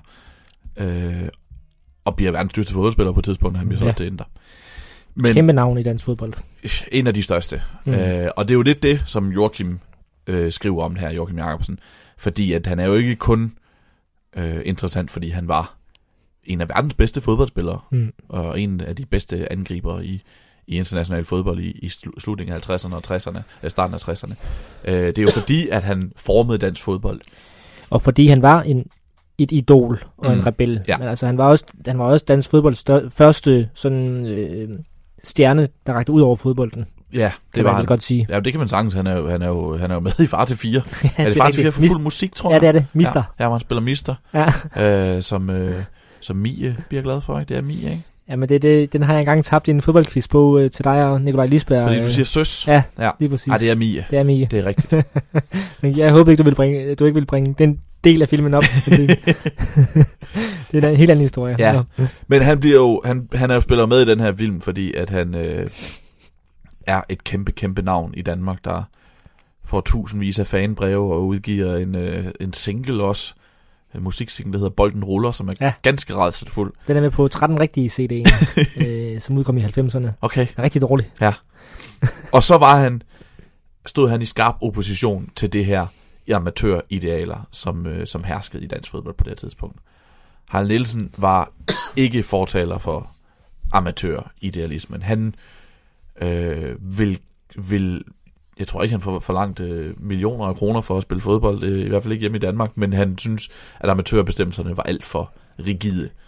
Øh, og det synes Joachim Jakobsen også. Det er tydeligt. Ja, det, er tydeligt. det, det er derfor, han har skrevet det, det her. Ja, og øh, ja, præcis. Og øh, han, jeg ved ikke, om vi skal ind på det allerede nu, men, men Joachim Jakobsen er jo bare en forrygende fortæller, ja. når det angår fodbold. Vi har jo så mange gange før nævnt tynd luft, det kan vi næsten ikke lave en udsendelse uden at gøre. Men han skriver bare skide godt, og det er jo interessant, det valg, han har taget i forbindelse med den bog her. Øh, med at det kun skal være skriftlige kilder. Det kan vi måske lige vende tilbage til. Jeg ved ikke, om vi skal gå mere ind i Haralds historie. Øh, du var lidt inde på det der med, at han, at han var gjorde opgør mod, oprør mod øhm, amatøridealerne, og det var jo også fordi, det, det ramte jo ham selv, det der med, at han ryger afsted efter at have spillet 14 landskampe, scoret 15 mål. Ja. Så bliver han øh, solgt til Bologna, øh, og, øh, og så må han ikke spille på landsholdet. Spiller aldrig en landskamp igen. Nej. Fordi det, må, det er først i, er det, jeg tror det er 71, det bliver tilladt for... Ja. Øh, for øh, Den for, her berømte Portugal-kamp. Ja, taber 5-0. Ja. Øh, øh, først i 71 bliver det tilladt at bruge professionelt på det danske landshold. Mm. Så han spiller aldrig en landskamp igen. Og, øh, og den her bog handler lige så meget om, det er derfor, den også er værd at anbefale, fordi den handler lige så meget om, om tiden i dansk mm. fodbold, og hvad det var for et, et land og et, et fodboldsystem, som Harald Nielsen han, øh, han voksede op i. Øh, der, er, der er et kapitel, som, hvor han ikke, hans navn ikke bliver nævnt et eneste, et eneste gang, for eksempel. Øh, og det er fordi, at Joachim Jakobsen tager sig tid til at beskrive den her, hvad dansk fodbold var i den her periode, øh, på den her tid. Ja, han bruger også på et tidspunkt øh, i Italien-tiden, der bruger han også en fire sider på at beskrive en italiensk klubpræsident. Mm. Øh, fordi det er vigtigt for historien at få, at få et billede af den, som Harald møder her. Men for lige at, at, at vende tilbage til, til det, jo, netop som er motoren i historien, det her med, med oprør mod øh, det, øh, det støvede øh, danske fodboldsystem, og det, det danske fodboldsystem, der, der er bange for fremskridt. Ja. Øh, så, så, så kommer, vender Guldharald jo tilbage til, til Danmark, og er en del af det, det her Helisander-projekt med at få indført betalt fodbold i dansk klubfodbold. Ja. Øh, det er i slutningen af 70'erne. Øhm, så, og det har jeg også et kapitel med i bogen omkring, for det skal være løgn, så har han jo en helt tredje øh, rolle i dansk øh, fodbold, som det er i dag, nemlig øh, tilblivelsen af FC København, hvor han er klubbens første formand. Ja, den Det- første F- FCK'er, som, øh, som, som kapitel- jeg tror kapitlet Det hedder kapitlet, ja. Fordi det, Harald Nielsen sagde jo det her med, at alle de andre, der kom ind i klubben, øh, FC København, var enten fra B1903 eller fra KB. Så Harald Nielsen, som kom, var Frederikshavner, og som kom ind som formand ind udefra, var den første FCK'er. Mm. Øh, Ja, så, Det er en god pointe. Ja. Øh, så, så, så det er jo en spiller, eller en, en fodboldpersonlighed, som, øh, som har været med lige fra, fra, øh, fra slutningen af 50'erne, og så helt op til, ja, til FC Københavns øh, fødsel, og, og de første år af den, øh, af den klub, og var jo også æresmedlem i klubben, og kom, kom i parken i mange år øh, Mm. frem efter. Øh, og fik en tifo, øh, hyldest tifo, da han døde. Ja, lige præcis. Øh, jeg en lille, en lille personlig øh, anekdote. Jeg har jo lavet den her bog om Richard Møller Nielsen, som jo spillede mod øh, Harald, Harald Nielsen der i, i slutningen af 50'erne som OB'er. Øh, og han medvirker i vores bog, Mirakelmæren. Og han var faktisk med til, til bogreceptionen i parken. Øh, hvor jeg kan se, at øh, du har fået en øh, signatur fra Harald Ja. i bogen der. Ja. Øh, så, men jeg ved ikke, hvad jeg vil sige med det. Jo, det var, at han, at han jo bare var en gentleman. Mm. Jeg, kunne, jeg kan huske, han, han kom med sin, øh, sit jakkesæt der, og havde så lige en FCK-pin øh, i øh, reværet, som det hedder, og var meget sådan, imødekommende store og snakkede med Tommy Troelsen, og sådan. det var også bare et, en oplevelse i sig selv at se de to legender sammen der, men han virker bare til at have været en, en gentleman i dansk fodbold. Mm. Og en stor kanon. En stor kanon, ja. ja også det. og det vidste han også godt selv. Og det gør ikke noget. Det kan vi godt lide. Ja, så selv, at nu siger gentleman, han er jo, men og det er jo det er lidt modsætning til det, der også, som bliver beskrevet meget i bogen netop, at han er ikke bange for at at øh, han er også en, som man slår sig på, ja. øh, hvis man ikke er på hans hold. Hvis ja, man kan sige og det, det er både på banen, og det er, og det er uden for banen, hvor han siger sin mening og, ja. og kæmper for at få flyttet nogle ting. Men som sagt, selv bogen øh, er, er, en, stor læseoplevelse. Nu har vi været forbi nogle værker, som jo måske er lidt rode, og som vil fagne mig meget, og som er opslagsværker og ja. meget faktuelt præget. Det er, det, det er virkelig god fortælling. Ja. Og Joachim Jacobsen har valgt kun at basere det på, på skriftlige kilder. Han har, han har interviewet Harald Nielsen, men gemmer det jo ligesom til kapitel sidste i bogen. Ja, med, jeg, øh, som jeg husker historien, så var han vist lidt besværlig, ja, ja. Øh, Harald Nielsen. Så derfor besluttede han sig ligesom for at sige, okay, jeg, jeg skriver den på skriftlige kilder, fordi ja. han var svær at... Han var tung at danse med. Han var, det, det var netop det der med, at han havde sin egen mening og sin egen holdning. Ikke? Ja. Så, øh, øh, men, men så, så han har brugt rigtig mange øh, timer i arkiverne, mm. Joachim Jacobsen, og har fundet en masse Harald Nielsen citater og gamle avisudklip og så videre og så videre, og, og det bruger han til at tegne et fremragende portræt af Harald med den her litterære pen, som Joachim Jacobsen jo har, ja. og med blik for detaljerne og, og sans for den gode fortælling. Øhm, med sådan portrætbøger her, biografier her, undskyld, der kan jeg godt, der, der er altid vild med, med kapitlerne om barndommen, og om øh, hvor, hvor fodboldtalentet bliver til. Ja. Og det har jeg lige tænkt mig at læse lidt op fra, fordi øh, han kredser lidt om, det, om, øh, om Harald Nielsens teknik, fordi det var hans øh, boldkontrol og hans tekniske færdigheder, der udover hans gode spark, var en af, nogle af hans allerstørste kompetencer som fodboldspiller, Harald Nielsen. Og øh, der skriver Joachim Jakobsen det her. Denne naturlige boldkontakt kontakt var et punkt, som Harald Nielsen skulle fremhæve igen og igen. Ikke mindst da han årtier senere blev magthaver i dansk fodbold og rystede på hovedet over talentmassen. Et andet vigtigt element, som siden skulle blive et markant styrke i karrieren, stammede også fra indkørslen på Bulsvej. Det var her, hvor han voksede op, øh, Harald Nielsen. I 2008 sagde Harald Nielsen til Midtjyllands Avis, Jeg kunne vride min krop og sparke med både højre og venstre ben. Det havde jeg lært derhjemme af min far. Ligegyldigt hvad jeg gjorde, så vidste jeg, at nok skulle jeg få den drejet ind mod målet. Indkørsler og garageporte er vigtige. Oppe i Sødertalje ved Stockholm er en garageport blevet udstillet på et museum, det var den samling brædder, der i sin tid tog imod en endeløs bankende strøm af tennisbolde fra en knægt ved navn Bjørn Borg. Her øvede Borg den forhånd og den dobbelte baghånd, som siden skulle sikre ham fem gange Wimbledon i træk. Så kommer der en passage, hvor han sammenligner med Gianluca øh, Vialli, som øh, har fortalt, hvordan øh, han, øh, han blev en dygtig angriber ved at stå og sparke bolder på en garageanlæg øh, i Cremona. I Cremona. Øhm, og så viderefører han så tilbage til Harald igen, hvor han skriver Joachim Jacobsen. Det kan vi så overføre til en typisk dansk indkørsel. Gerne smal, gerne med to fliser spor op til garageporten, lidt hældende ud mod vejen. Måske hæk til den ene side, blomsterbed til den anden. Måske en chikane i den ene side i form af en enkelt trappeltrin ind til bryggersødt eller entréen. Et ekstremt begrænset handlerum, der hos et naturtalent kunne udvikle en række påfaldende kvaliteter. Gode reaktioner for at tampe til bolden, en særlig adræthed for at slynge kroppen rundt om bolden i skuddet, et overskud i fødder og benstilling for at hindre kuglen i at havne i hækken eller ryge ud på vejen, når den brager tilbage fra garageporten. Ja. Det, er, det, det er underligt beskrevet, synes jeg. Ja, den er, den er simpelthen så god. Øh, hvis jeg skal fremleve for noget for den her bog, så er det det her med, så er det det her med kampen mod fodbolden, som den så ud på det tidspunkt, og, og et villighed ja. til at ændre systemet. Og der, altså det, er jo, det er jo simpelthen bare alle former for danskhed, der møder hinanden i 1960, år 1960, hvor Lise Nørgaard af alle personer øh, er nede for at beskrive OL for politikken. Øh, og det refererer Joachim Jacobsen også fra. Og så det her det her system, der var dengang, hvor, øh, hvor, øh, hvor lederne havde al magten, og, og fodboldspillerne ikke havde nogen magt og ikke betalt for noget som helst. Og Joachim Jacobsen skriver således, Lise Nørgaard sidder og taler med Harald Nielsen. Hun får frimærke historien. Den handler om, at øh, jo, øh, hvad han hedder, øh, øh, Harald Nielsen bruger ufattelig mange penge på frimærker, fordi når han skal skrive svar på alle de her fanbreve, øh, men kan ikke få pengene refunderet noget sted, fordi det, han må ikke be- betale for at spille fodbold. Og hun virker betaget af den unge mand, som indtil øh, nu har fået 5.000 fanbreve at svare på. Den hyggelige samtale afbrydes, da en DBU-official med den kedelige vane at knipse med fingrene, citat, begynder at genne spillerne i seng. Reporter Nørgaard observerer det uværdige optrin. Til den voksne spiller, der tilfældigvis har, øh, har fået besøg af sin ægte hvide hustru efter kampen, siger han, sig farvel til din kone og nu i seng. Spilleren må trække tilbage til sportslivets ensomhed. Derimod er der ingen, der hindrer øh, Leo Dannen i at tage sin kone med op på værelset. Men han skal selvfølgelig heller ikke spille fodbold. Lise Nørgaard har, set og hørt, har hørt og set rigeligt. Er der nogen, der har en kvittering på, at de har købt Harald og de andre unge mænd på det danske landshold?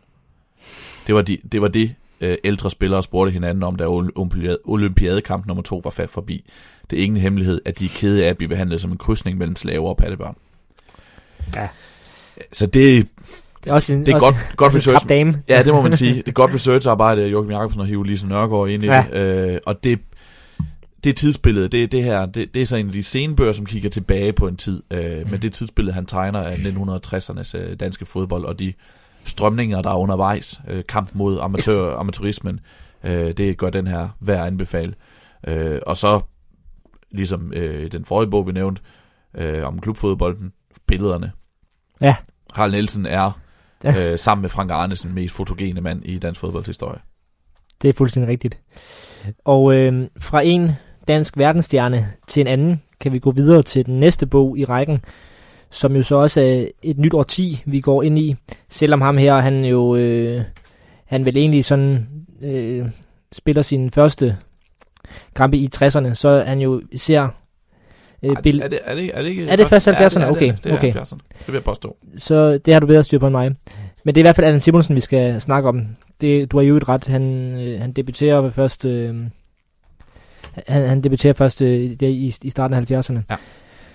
Nok om, det er en detalje. Hvad hedder det? Øh, det er Allan Simonsen, vi skal tale om nu. Fordi øh, han er jo ligesom billedet på 1970'erne. Ja. Og også det naturlige... Øh, at tage fat i, når man har talt om Harald Nielsen. Ja. Øh, for hvad med så den næste danske verdensstjerne? Jamen det er Allan Simonsen, og, og måske nok også øh, den største af dem alle. Han er i hvert fald den eneste, der har vundet en bestemt pris. Mm. Det kan vi lige vende tilbage til.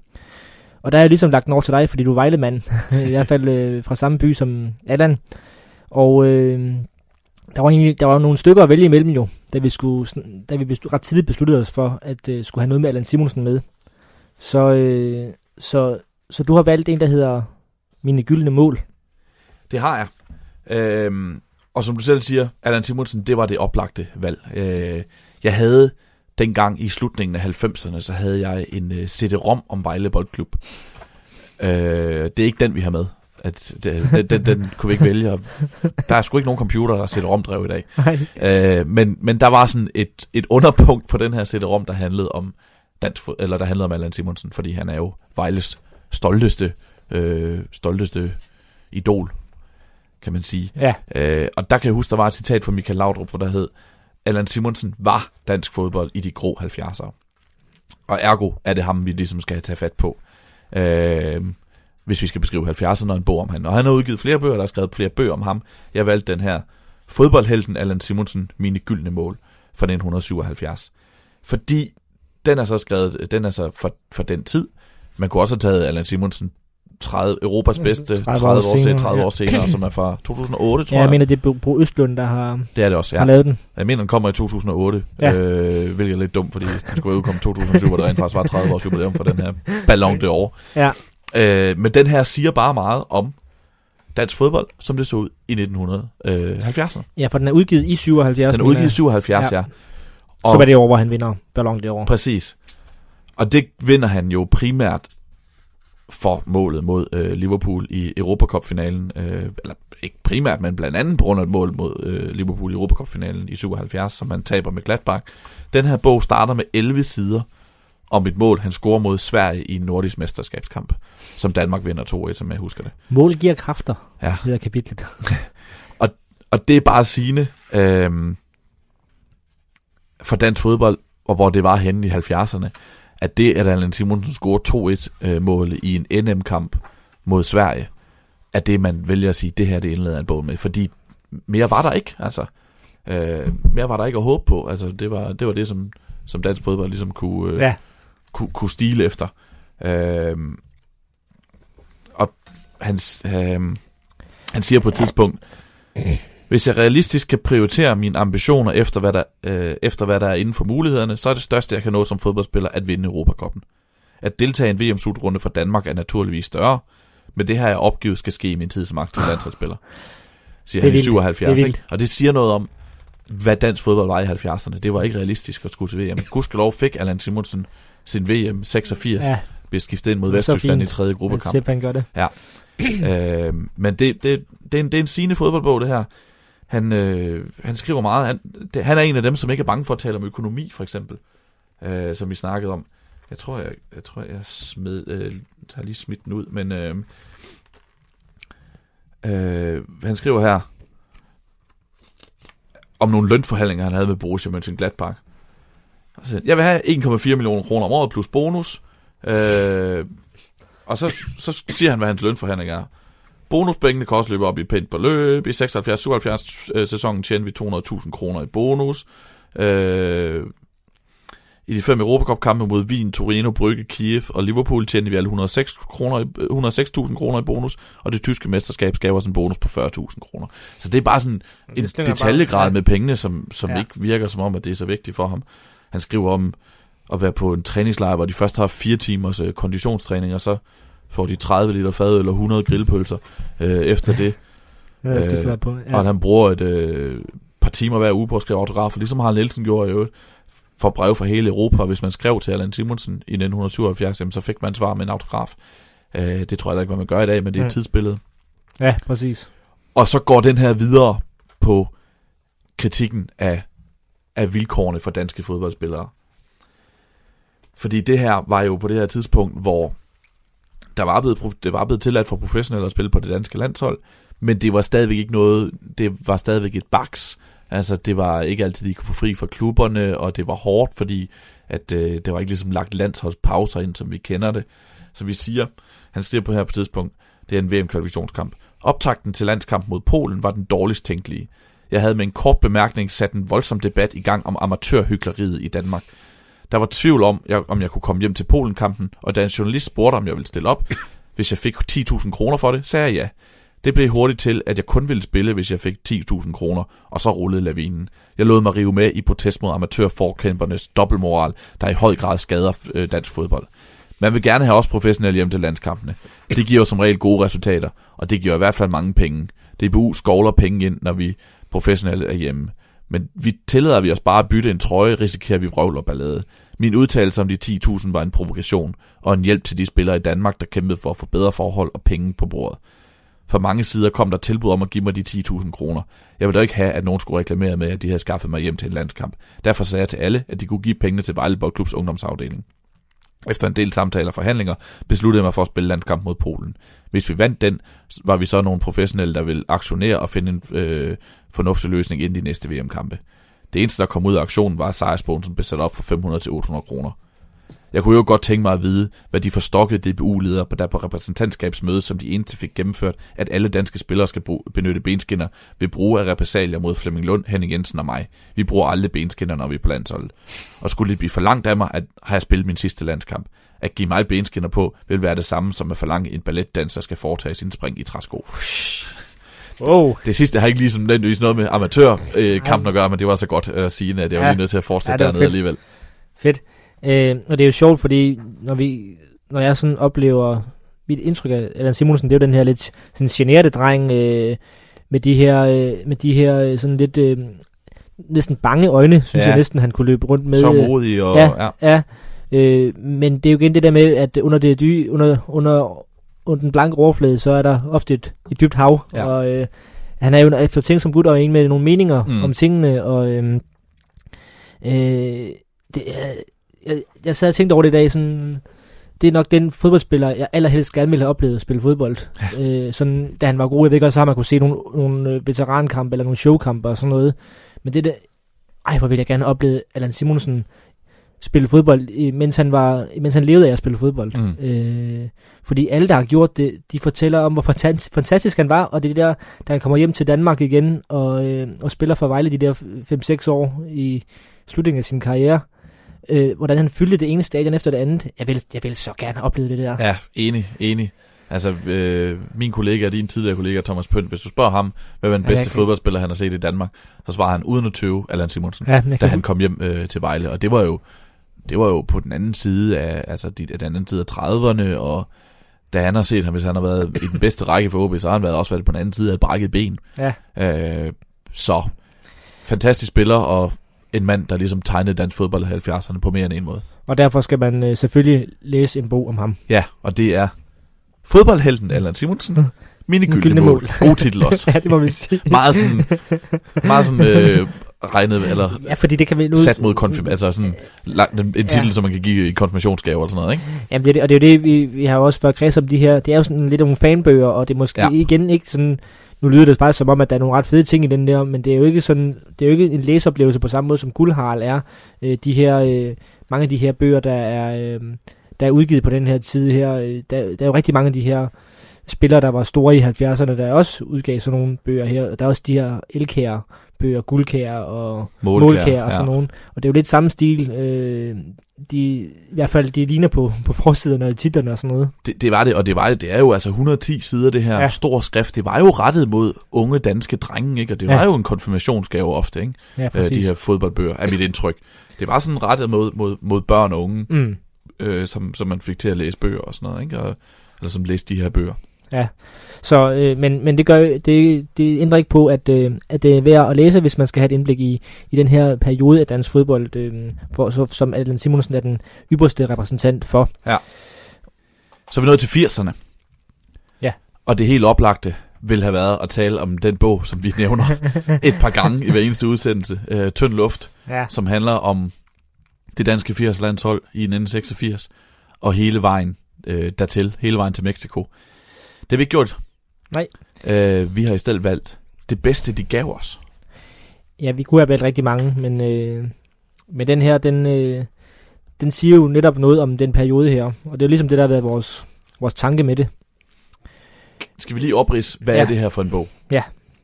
Det bedste, de gav os, er udgivet i 1991, og det handler om det danske 80'er-landshold at der er skrevet øh, en lille, øh, hvad er der, en, en, en snes tekster her, en 20 stykker eller sådan noget, øh, skrevet af alle mulige forskellige. Jeg synes næsten, vi skal læse dem op, fordi ja. det siger meget godt om, øh, hvad det er for en bog, synes jeg. Det kan vi godt. Ja, skal vi, vi, lad os tage dem på skift. Jens Jørgen Brink, radioreporter, det er sporten. Flemming Toft, øh, TV2-kommentator. Øh, Bent Hermansen, sportsjournalist på Jyllandsposten. Preben Elkær, fodboldspiller. Knud Lundberg, sportsredaktør af Det Fri Aktuelt. Svend Gers, øh, fodboldkommentator, blandt andet DR. Jens Karl Christensen, sportsredaktør af Berlinske Tidene. Bertel Hårder, han kulturminister på det her tidspunkt. Undervisnings- Undervisning. og forskningsminister. Det er sådan, der. Øh, så er det Claus Berggren, tidligere landsholdsspiller og sportsdirektør, øh, sportsdirektør i Lyngby. Han øh, har skrevet en tekst, der handler meget om sig selv, øh, kan vi sige. det kommer ikke bag på nogen af os. Han er, øh, det er en lille indskydelse her, Martin her, vi snakker tit om, at øh, Claus Berggren sammen med Rolf Sørensen er den mest italienske dansker, der findes, fordi de øh, det er rigtigt. på ingen måde er bange for at fortælle om der, sig selv Nej. og deres øh, fortræffeligheder. Altså, og det igen, ligesom med Harald, det hylder ja. vi. Ja, jeg kan vi er vilde med Claus Berggren, men, og især fordi, at han, øh, han var nok tæt på at score 80 lands, landsholdsmål, sådan i egen optik. Ja. Øh, han var altid meget tæt på at score. Ja. Og var altid lige der. Nå, men øh, han har også skrevet kapitel, ja. Åke Stolt, sportsredaktør Sydsvenska Dagbladet. Lone Laudrup, mor til Brian og Michael Laudrup. Flemming Nielsen, sportsjournalist BT.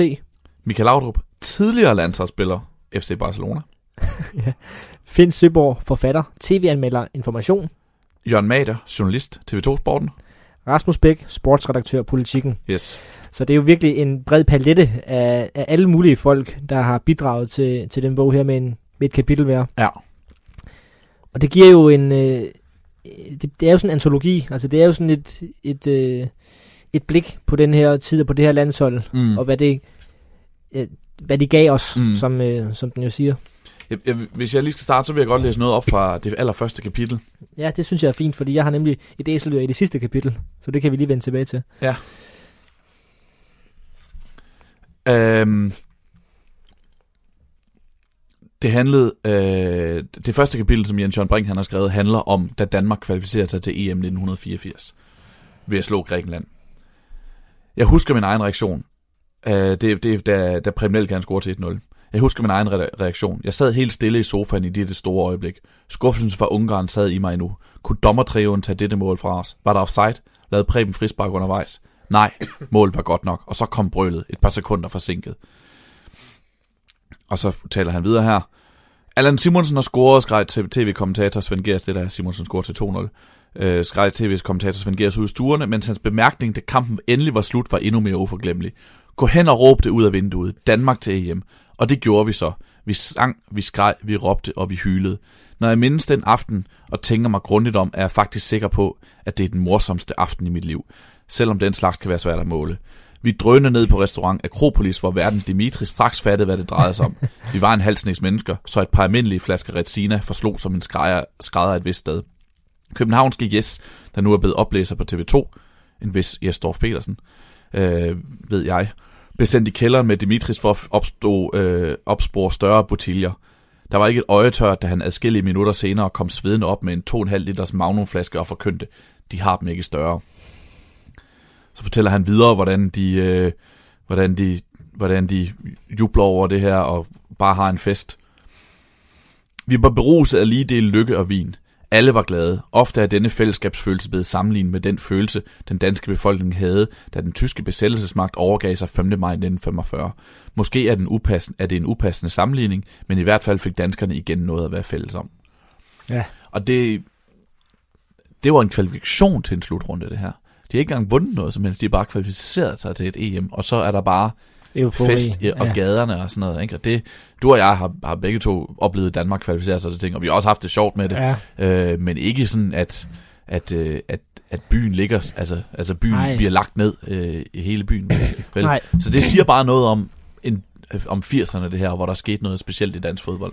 Præcis, og man, undertitlen, eller beskrivelsen af den bog her, der er, ikke, der er faktisk ikke nogen bagsidetekst, men det, det skriver jo det bedste, I gav os, Medrivende og humoristiske øjenvidneskildringer fra dengang dynamit og fodbold gik op i en højere enhed. Øh, og det er jo netop øjenvidneberetninger, og de, og de, og de her øh, ja, små 20 øh, øh, skribenter her, de, de har jo sådan hver deres øh, tema eller blik, blik der er på, øh, på det her, den her periode her, den her æra i dansk fodbold. Øh, og de har jo, jeg bed, jeg bed jo mærke i, da jeg lige sådan skulle læse op på den og, og sidde og læse den igen, øh, op til den udsendelse her, at de har jo har, også har en svensk skribent med, nemlig mm. ham her, Åke Stolt. Og hans, øh, hans, hans kapitel, det handler om, øh, om Premelkær. Om den udanske Premelkær, som jo så er endnu mere usvensk mm. i sin værmåde. Og, og det beskriver han rigtig godt, fordi Premelkær jo på mange måder var billedet på det her 80'er-landshold. Og der vil jeg også lige læse lidt op her. Øh, Visse idrætsmænd ser større ud, end de er i virkeligheden. Prem Elkær var stor, meget stor. Jeg ved, at vi også oplevede Ben Johnson sådan, da han krøb ned i startblokken i Seoul, og i nogle sekunder lod verdens hurtigste krop hvile på arme og skuldre, som syntes de tilhørte et overmenneske i en fantasiverden. Da han i presserummet var iført kobberbukser og skjorte, var han krøbet til helt normale proportioner. Prem Elkær gennemgik samme mærkværdige forvandlingsnummer. Han voksede som en filmatiseret hulk, i både højde og bredde, når han i den rødhvide dragt trængte frem, banede sig vej og rykkede sig løs fra sine hjælpemløse oppasser og sendte bolden på en svimlende rejse mod sit mål. 74 kg tung, 183 cm høj, egentlig ingen kæmpe. Lænet mod en væg med cigaretten i hånden og sveden blandet med badevandet fra den mageløse udlanding mod Uruguay i Nesa, et af Mexico City's forstemmende fattigkvarterer, lignede han alle andre, der ventede på en taxa for at komme til en bar og nedsvælge et par pilsnere. Det var i rollen som skarpretter, han voksede. Prem Elkær tilhørte den kategori af idrætsmænd, som gennem sin autoritet, sin udstråling og sin allerede adviserede dygtighed snød vores øjne til at opleve ham større end han var. Når han udøvede sin kunst, syntes han at vokse, både, vokse også fysisk af sin iboende kraft. En vidunderlig Prem Elkær beskrivelse. Mm. Og, øh, og den her bog er fuld af sådan nogle virkelig gode beskrivelser og øh, og måder at fortælle om den her tid, og de spillere, der var en del af det. Ja. Og når vi er om, når, når vi er ved spillere, man gerne vil have oplevet, så vil jeg også rigtig gerne have oplevet Preben Elkær. Sammen her. I en landsholdstrøje. Det, det, kunne, det kunne bare være fedt at se den her verdensstjerne ja. score, score mål. Det jeg, det, det, jeg synes ligesom siger, at grunden til, at jeg synes, at det er den her bog, man skal læse, hvis man vil blive ja. klogere på 80'erne øh, i dansk fodbold, det er fordi, at den driver af nostalgi. Ja. Og det her, det er i 1991. Ja. Det, det, er, altså, det er tre år efter EM 88, ikke? og alligevel så driver den bare nostalgi og sådan en længselsfuld ja, det er nemlig, øh, tilbageblik. Vi, vi savner det. Præcis, de savner det, og det, det er lige slut, ikke? Ja. Og alligevel så har det her hold bare den her mytiske status allerede. Øh, der, der, altså, det, det er så tydeligt, det allerede nu er et afsluttet kapitel, hvor man tænker, så godt bliver det aldrig Ja, igen. man er nemlig meget bevidst om, hvor stort det var, og man, har ikke en, man tror ikke på, at det vil ske igen. Man ved allerede der, at det var, det var helt unikt. Jeg, jeg skal næsten lige læse op af, af Rasmus Bæk, som, øh, som skriver. Det var, ja, men det, så lader jeg være med det. Nej, men, ja. nej tag, tag du den. Er det afslutningen på den, du vil læse? Ja. Så, så læser jeg en anden en Fint. bagefter. Tag du den bare. Nej, vi, ja, okay. Nej, okay, lad mig tage en anden. Jeg tror, det er bedre at gøre ja, det sådan. øh, fordi at så læser jeg afslutningen på Michael Laudrup's tekst. Okay. Som også det er jo det, der med Michael Laudrup tidligere landsholdsspiller i 1991. Ja, ikke? Altså, det, er det, er jo nærmest, det er jo nærmest en kniv i hjertet, ja, at han har ja, stoppet karrieren på ja. det tidspunkt. Jeg er glad for, at jeg fik en plads på det hold, der talte så store fodboldspillere som Allan Simonsen, Claus Berggren, Preben Elkær, Frank Arnesen, Ivan Nielsen, Morten Olsen, Søren Lærby, Jens Jørgen Bertelsen, Ole Kvist og flere andre. Navne, der vil blive husket af 80'er-generationen, så længe der tales fodbold i dette land. Men også navne, som vil sige 90'er børn lige så lidt som landshold fra 1956 og 1962, siger mig. Sådan er det. Man husker de spillere og de hold, man nød fra tribunerne eller foran tv-skærmen, og man vil huske dem til sin dødsdag. For nogle mennesker ophørte rigtig fodbold med at eksistere, da Karl Skummer Hansen stoppede karrieren, eller da Paul Jørgensen vinkede farvel for sidste gang. Og for andre blev fodbold kedeligt og uvedkommende, da Knud Lundberg, John Hansen og Harald Nielsen stoppede. For en meget stor gruppe danskere vil fodboldens sande ansigt, spillets brede smil, være identisk med 80'er-landsholdet, fordi vi gav det bedste. Tak for alt det, vi fik tilbage. Er det, er det Michael Laudrup, der har skrevet det, det der? Han, er i hvert fald han har fået noget hjælp, han men, altså, men det, det er hans tekst, det her. Ja. Det, det, altså, det er kuldegysning, Ja, det er det. Og det er igen den der, det er et afsluttet kapitel, det her. Ja. Og, det, og der er også sådan den der følelse af, at man siger, øh, det er det, han ligesom skriver om, at der er nogen, der for dem, for hvem det her ikke vil for, øh, betyde noget. Men mm. for eksempel du og jeg, som ja. er for unge til at have oplevet det her, for os betyder det jo noget, fordi vi har læst om det i de her bøger, blandt andet. Præcis. Jamen, ja, vi har jo et, øh, en stor del af, af min øh, kærlighed til Frank Andersen er jo på grund af de bøger, der er skrevet om ham, mm. og de, alt det, ja, hvor meget han har fyldt på den, så det er noget, jeg har læst mig til. Jeg har jo ikke, jeg har jo ikke siddet ned og set de der, de der VM86-kampe fra ende til anden, eller sådan på den måde. Jo, vi ser ham i fjernsyn i dag som kommentator og sådan noget, men, mm. men spilleren Frank Andersen har jeg jo aldrig set sådan Nej. rigtigt. Der er nogle YouTube-klip og sådan noget. Det er jo noget, jeg har læst mig til alt det der. Ja.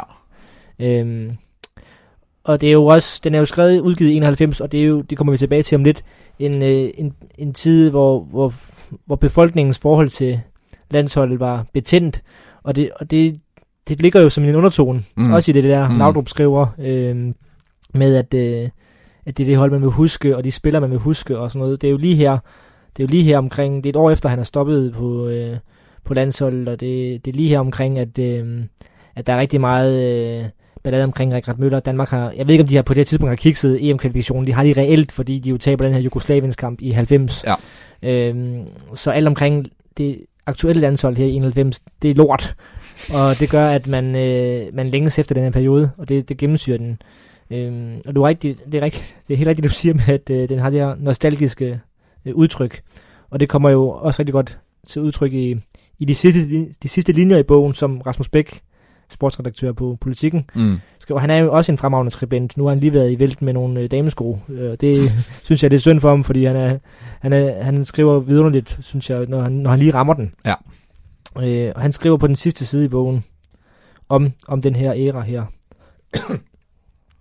Der blev talt fodbold, drømt fodbold, sunget fodbold og leget fodbold i et omfang, som eftertiden vil have svært ved at forstå.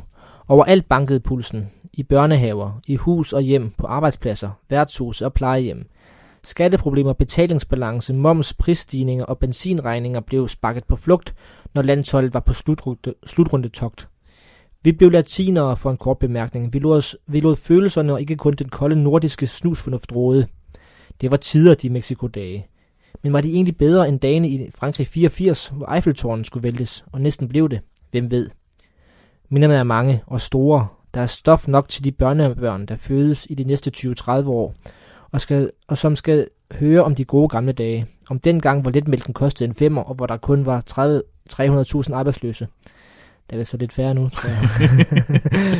Nå, om dengang der var fodboldspillere til, da det lille landbrugsland, hvor man får tilskud for ikke at dyrke jorden, virkelig var en stormagt i det gamle spil, hvor tyskerne fik på frakken, hvor England og Sovjet fik en lærestreg, og hvor skotterne og Uruguay og belgierne fik lov at bide dynamikstangen.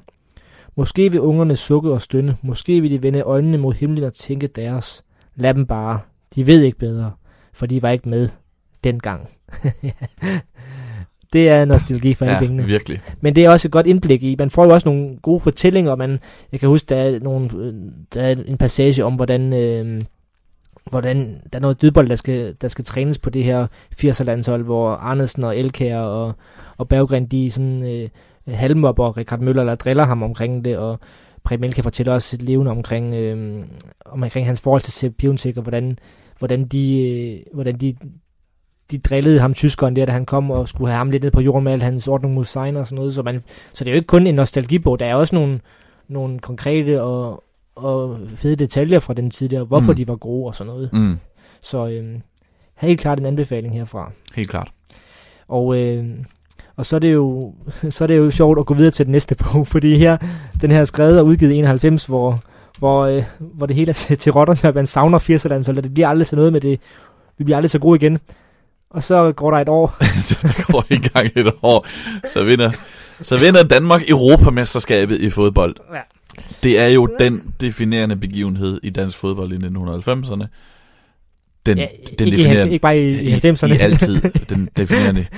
Så derfor hvis vi skulle ligesom vælge en bog til 90'erne i dansk fodbold, så måtte det blive en om Europamesterskabet. Ja, det kan ikke være anderledes. Øh, og der er jo også mange at vælge imellem i virkeligheden. Øh, særligt øh, bøger, der er udgivet i 92. Der mm. kom en, en 3-4 stykker der i kølvandet på den triumf, fordi det, jo, det var så vildt selvfølgelig. Og så er der også i eftertiden øh, lavet på stykker, vi kan godt lige så godt sige det, vi har selv lavet en. Vi har selv skrevet en, simpelthen. Drømmeland, og vi kan godt reklamere for den, fordi man kan ikke købe den nogen Nej, steder. Man kan ikke købe den nogen steder. Man kan låne på biblioteket, eller ja. købe den øh, som e-bog. Ja. Og sende en lille, lille bitte krone ned i lommen for os. Har du lige fået bibliotekspenge, eller? Nej. det er 8 kroner, ellers. så noget, så hæve min her penge gang. Øh, nej, men... Øh, EM92 skal selvfølgelig øh, være med i, øh, i den her øh, beskrivelse af dansk fodboldshistorie. Og øh, vi har valgt den bog, der hedder, den hedder Europamestre fodboldmiraklet i Sverige. Og den er skrevet af Jakob Kvist og Flemming Mønster, øh, og den er udgivet i slutningen af 92. Og øh, den er jo lidt kontroversiel, den bog her, fordi øh, dels er der nogle anonyme kilder i, og så øh, tegner den sådan lidt, øh, lidt kritisk billede af Richard Møller, som jo fik Richard Møller til at øh, sige nogle bevingede ord på et pressemøde. Sebastian, hvordan er det nu helt præcis den der historie? Kan du huske, øh, hvordan det helt præcis hænger sammen? Jamen altså, jamen, hvis, hvis vi lige siger, grunden til, at vi ligesom vælger at tage den her, der er udgivet, som du siger, til rigtig mange bøger om, om EM 1992, og de er, mange af dem, der kommer i 1992, er meget korte. Ja. Øh, de hedder alle sammen enten Europamester, eller Europas bedste, eller et eller andet i den stil. Ja, ja præcis. Øh, så de er meget sådan hurtige. Hvis, hvis vi ligesom har valgt den her, det er fordi, at, øh, at den siger noget også om den splittelse, som ofte er i dansk fodbold, mm. øh, mellem resultater og mellem måden, man spiller fodbold på. Ja. Og den her, det her var jo en kritisk bog, øh, på trods af, at den... Øh, Ja, det var ikke den her hyldesbog om øh, Europas bedste ikke kun, og, i hvert fald. Hud ikke kun, som jeg siger, der var anonyme kilder. Øh, John Sivbæk var en af dem, der udtalte sig til citat som den eneste. Jeg tror egentlig ikke, han var specielt kritisk. Nej. Øh, men Richard Møller tog ikke så godt imod, at han, øh, øh, han udtalte sig i den her bog. Faktisk slutter hans landsholdskarriere sådan cirka omkring, da den udkommer. Øh, ja, på trods af, at han spiller 5-6 år mere. Ja, ja, ja. ja. ja. Øh, og det ved jeg, mange har sat lighedstegn mellem, ja. at, han, at han ikke spiller flere landskampe, og at den her bog bliver udgivet. Fordi der står nogle ting i den om Richard Møller. Mange af dem, øh, hvor det siger, at kritikken er for de anonyme, anonyme EM-spillere lyder for eksempel sådan her. Mange af dem har kendt øh, Richard Møller Nielsen helt tilbage fra OL-landshold, og for dem gik han heller ikke fra rollen som Umulius til genial taktiker på 14 dage. Alligevel har deres syn på ham ændret sig med tiden. Måske ikke så meget på det faglige, som på det menneskelige plan, som en af spillerne formulerer det. Vi er jo kommet til at holde af ham efterhånden. Men det var ikke blide følelser, der prægede træningssamler i den første lange del af Møller Nielsens regeringstid. Det var for at sige det, for at sige det mildt. Ikke, der var for at sige det mildt stod, ikke den store respekt omkring træners person, og utilfredsheden voksede stødt og roligt. Øh, og så kan man læse videre. nogle gange, øh, en tidligere landsholdsspiller fortæller, nogle gange var vi simpelthen flove over træningen. Han har de der ritualer, de samme ting, han gør og siger hele tiden. Og det var for eksempel første gangs afleveringer. Det skulle vi altid lave på stor bane, og det var helt umuligt at styre. Boldene fløj om ørerne på os, og vi brugte meget, meget mere tid på at hente dem i bussen end at spille. Folk var rasende, og så sagde han altid, der er sodavand til vinderne, ligesom et lille barn. Der var ingen intensitet i det, og det var helt anderledes end under Sepp. Og en spiller fra EM-holdet i Sverige siger, der er ingen i truppen, der opfatter ham som specielt dygtig træner, men de fleste betragter ham vel som med en kærlig overbærenhed. Hans træning er og bliver håbløs. Det er simpelthen så jammerligt kedeligt. Og meget bedre lyder dommen over taktikmøderne ikke. En spiller, der har været med i forskellige landskampe, siger, som regel var vi færdige at grine. Vi sad bare og ventede på de ting, han gjorde hver gang. På et bestemt tidspunkt tog han altid fingeren op til øjet og sagde, nu skal du holde øje med ham. Han fuldførte næsten aldrig en sætning. Vi kunne slet ikke tage det alvorligt.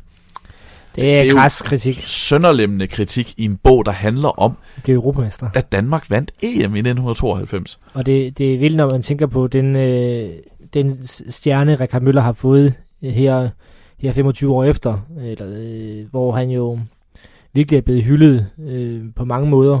Øh, at det, og det fylder rigtig meget, det der. Har du, øh, du ja, det gør det nemlig, fordi ja. den udkommer i efteråret 1992, hvor Danmark skal spille en landskamp mod Irland. Og øh, Flemming Mønster, den ene af forfatteren, de var jo på aktuelt begge de her to, øh, var til, til, til pressemødet før den her Irland-kamp, og spurgte Rikard Møller Nielsen, hvorfor han anså Irland for at være det Europas stærkeste mandskaber. Og så svarede Rikard Møller Nielsen, jeg har sagt til dig og din kollega Jakob Kvist, at I to har jeg ikke mere at snakke med om. Det gælder også på officielle pressemøder. Det er ikke fordi, jeg er rasende på jer. Det er der overhovedet ikke tale om. Jeg vil sige det på samme måde. Øh, jeg vil sige det på den måde, at mennesker, der synker så dybt og kan lave noget så svinagtigt, som I har gjort, dem kan man ikke blive gal på. Jeg er simpelthen med lidenhed med jer. Jeg tror ikke, jeg har gjort det af ondskabsfuldhed, men jeg tror heller ikke, at prostituerede står på et gadehjørne, fordi de lider lige. De gør det simpelthen, fordi de er i vanskeligheder, og, og det er nød, der er tvunget dem til det. Det okay. samme tror jeg om jer. Og det er nø, der har tvunget jer til det. den rammer du bedre end jeg gør. Ja, den, øh, det er jo ikonisk øh, pressemøde, det der. Præcis. Og jeg synes bare, altså, egentlig er der, er der bøger, som mere og dybere beskriver EM 1992. Drømmeland.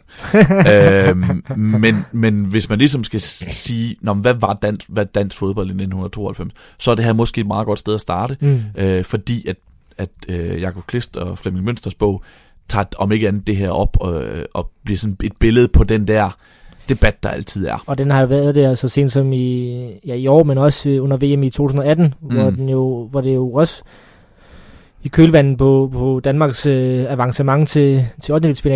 jo var den her diskussion om, om det var om det var fodbold, man ville huske, om det var ja fortjent, om man spillede godt nok, øh, eller om det bare var vigtigt at få de der skide resultater der. Ja. Og, øhm, og jo, der er også en, en landstræner, som kunne finde på at, at, at skælde en lille smule ud på pressen, men ja. dog ikke ved at kalde dem for luder. Nej, det kan man sige. Øhm, Jakob Kvist har jo også lavet bogen om øh, Michael Laudrup, ambassadøren, og der er jo også nogle passager, der er kritiske over for Richard Møller ja. øh, i den bog. Så, øhm, en fremragende ja, bog, en som, fremragende bog ja. som også kunne have taget med som et billede på 80'erne og 90'erne i dansk fodbold, faktisk. Ja, ja lige det. Så EM92, øh, selvfølgelig skal man også læse om den europamestre, øh, europamestre fodboldmiraklet i Sverige, kunne være en af de bøger, man øh, tog fat i der. Mm.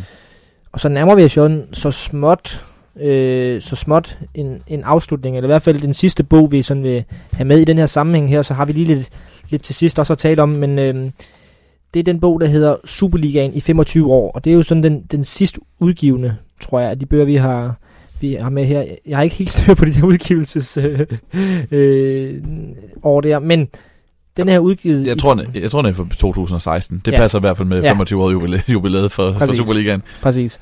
Og det er jo en, øh, ja, man kan sige, en, en hyldesbog, en jubilæumsbog. Øh, Superligaen er medafsender på det, Divisionsforeningen er medafsender på det. Det er Turbine, der er udgivet den. Det er Søren Højlund Carlsen, der i dag er øh, pressechef i AGF, som ligesom øh, var tovholder på det projekt her. Mm.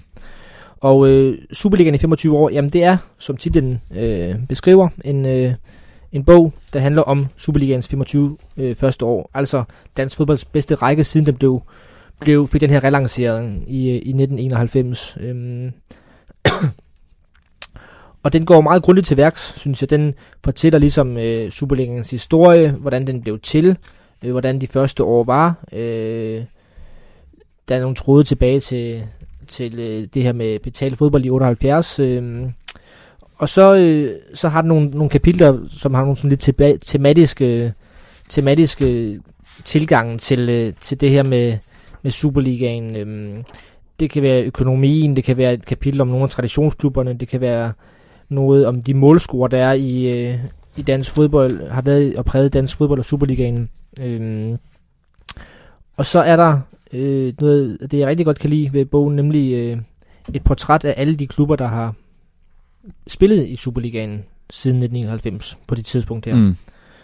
Øh, så den går rigtig grundigt til værks og kommer hele vejen rundt. Det er også, jeg synes, det er mere end et opslagsværk, for der er også nogle rigtig gode læseoplevelser i den. Mm.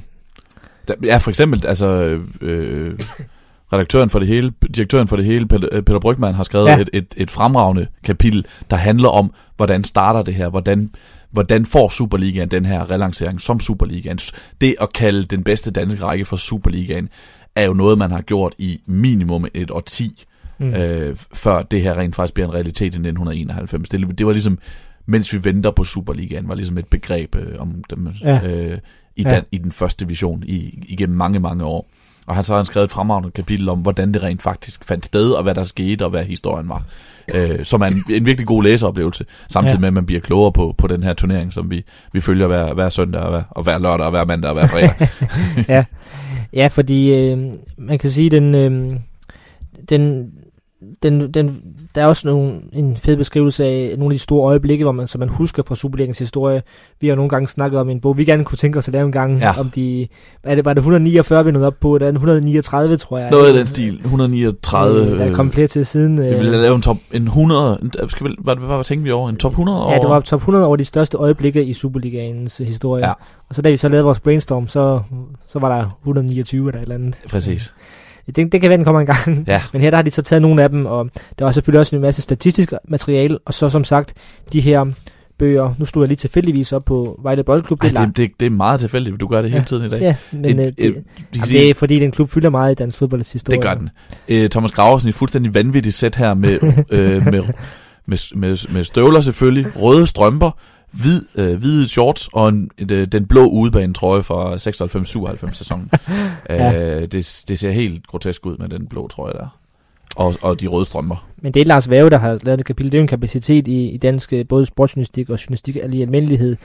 Så har Jakob Ravn, øh, daværende sportsredaktør på, på Jyske Vestkysten, skrevet om Sønderjysk og Haderslev. Øh, og sådan kan man blive ved. Der kommer jeg forbi OB, den har jeg selv skrevet. Magnus Heunicke har skrevet om Næstved øh, det er folk, der, der følger de her klubber tæt, der har, der har skrevet om klubberne. Og, og det gør jo også, at det er nogle, nogle særlige kapitler, og de er skrevet med kærlighed i mange af dem, mm. og, øh, og med indsigt.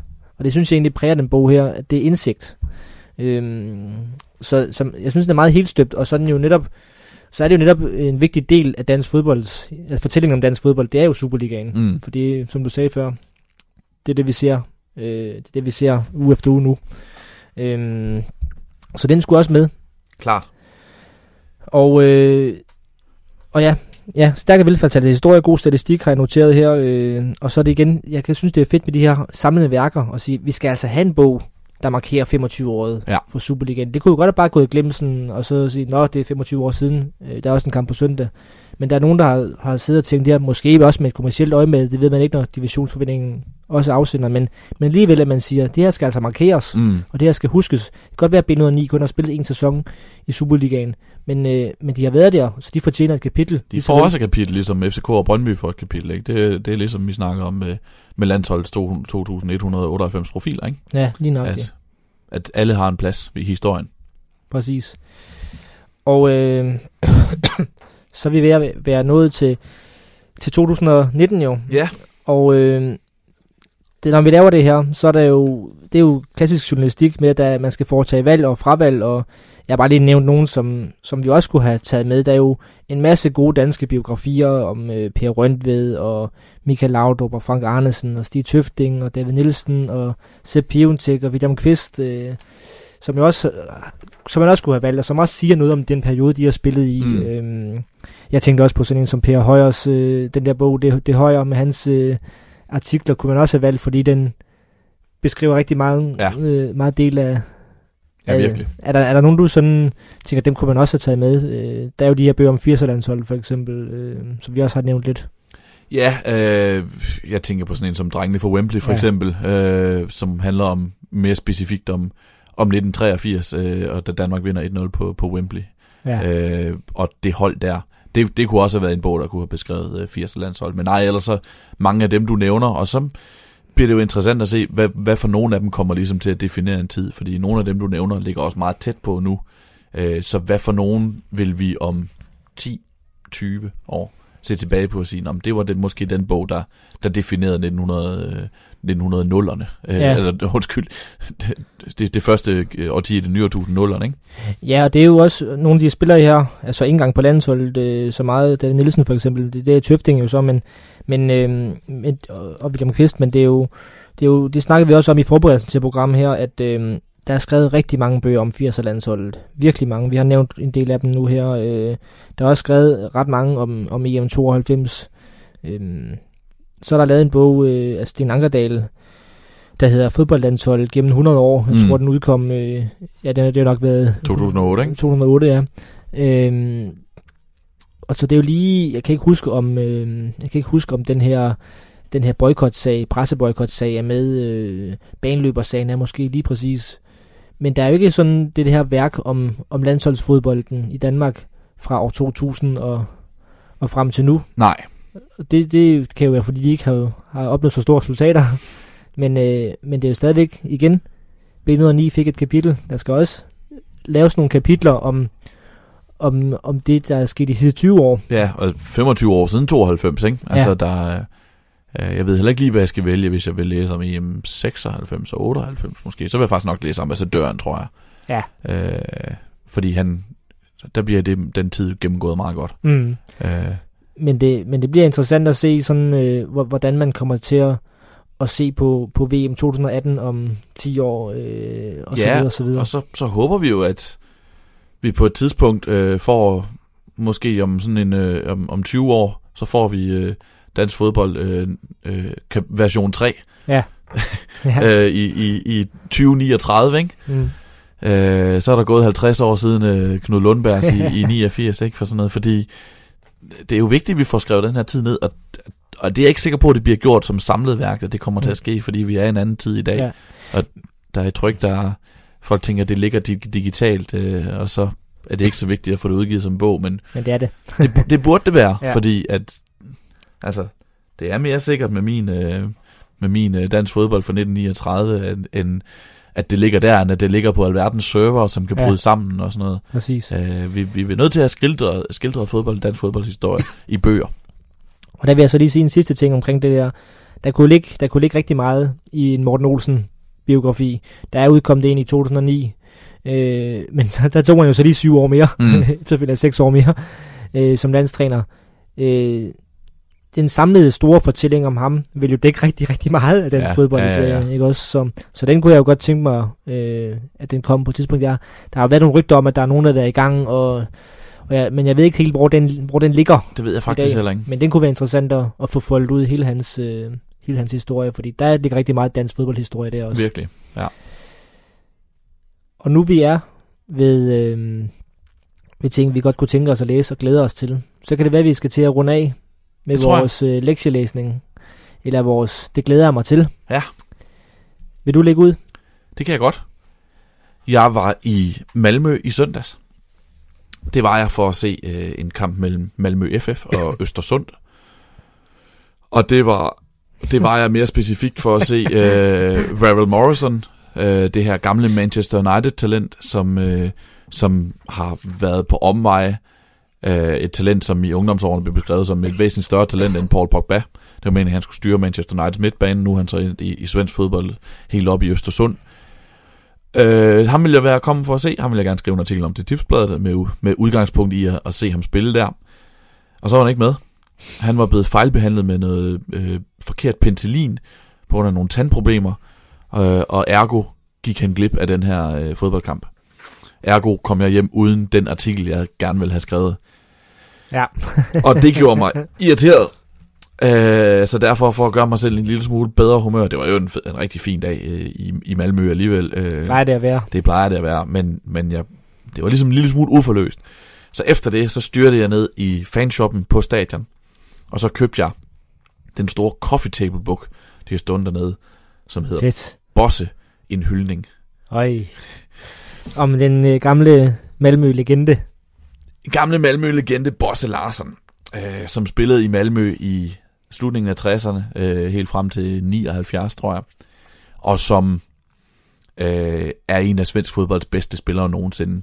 Øh, den bedste spiller for Malmø, indtil ham der Zlatan, han dukkede op. Øh, og det, ja, det, den, den var jeg nødt til at købe. Jeg har set den før, hvor jeg tænkte sådan, ah, 500 svenske kroner, det er lige voldsomt nok. og så gik jeg herned og tjekkede den her gang, øh, kunne konstatere, at den var ikke sat ned, Buff, de 500 kroner på den alligevel. Det er sådan cirka 360 kroner danske eller sådan noget. øh, den måtte jeg bare have. Og det er som sagt en coffee table book om Bosse Larsen. 336 sider, den havde jeg også op på købenvægten i morges. Øh, 2,7 kilo Fedt. vejer den. Skrevet af Michael Schøblom, øh, som er forfatter, Anders øh, Ross, som er fotograf, og Staffan Tapper, som er en tidligere holdkammerat. Og det er jo en herlig tanke, det ja. der med, at en holdkammerat har været med ja, til at skrive en bog om ham. Øh, jamen, hvad, så, hvad, hvad skal man sige? Jeg, jeg kan lige læse op. Den, den, jeg har ikke læst den endnu, jeg har den kun. Øh, jeg har den kun øh, liggende.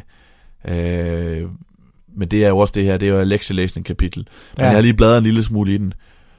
Og så fandt jeg, øh, da han fyldte 50 i, det tror det er i sådan en, øh, i, en gang i 90'erne, da han fylder 50, så fik han simpelthen en leder, en lederplads, øh, der beskrev om for lederpladsen i, i, øh, i, øh, i en af Skåneaviserne. Frem for alt har Bosse Larsen gjort mennesker lykkelige. På Malmø stadion indfriede han altid forventningerne. Det var ikke kamp, det var kultur. Når jeg tænker tilbage på, hvordan han vendte på midterlinjen og spændede efter en åbning på det grønne feltet, øh, er det som om krit på, øh, kritstøvet virvler ud i evigheden for at blandes med alt andet, som i sin fuldending gør livet værd at leve. Picassos farver, Hjalmar Guldbergs ord, John Coltrane's toner. Øh, Bosse Larsen, et halvt århundrede i dag, var vores første og største held. Malmø takker og gratulerer. Lev vel, maestro.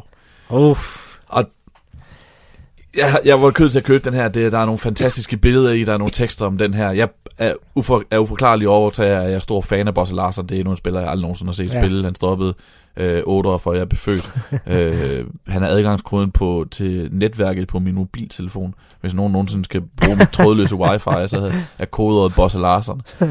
øh, og så kan jeg, først og fremmest kan jeg godt lide tanken om det her. At man i, jeg tror den er fra sidste år, øh, eller forrige år måske, 2017-2018 udgiver en coffee table ja, det er suverænt. om en spiller, der spillede i Malmø i 1970'erne. Det er jo, det er jo helt vildt. Forestil dig, at man udgav ja, en coffee table book om for eksempel Oro Jensen, ja. eller øh, øh, jamen for den sags skyld Allan Simonsen. Det er jamen, svært det at forestille sig, det, man vil gøre i Danmark, det, på trods af... Det, har det, en, det, har, det har det en helt anden kultur omkring ja. øh, Sverige derovre, det må vi bare sige. Mm.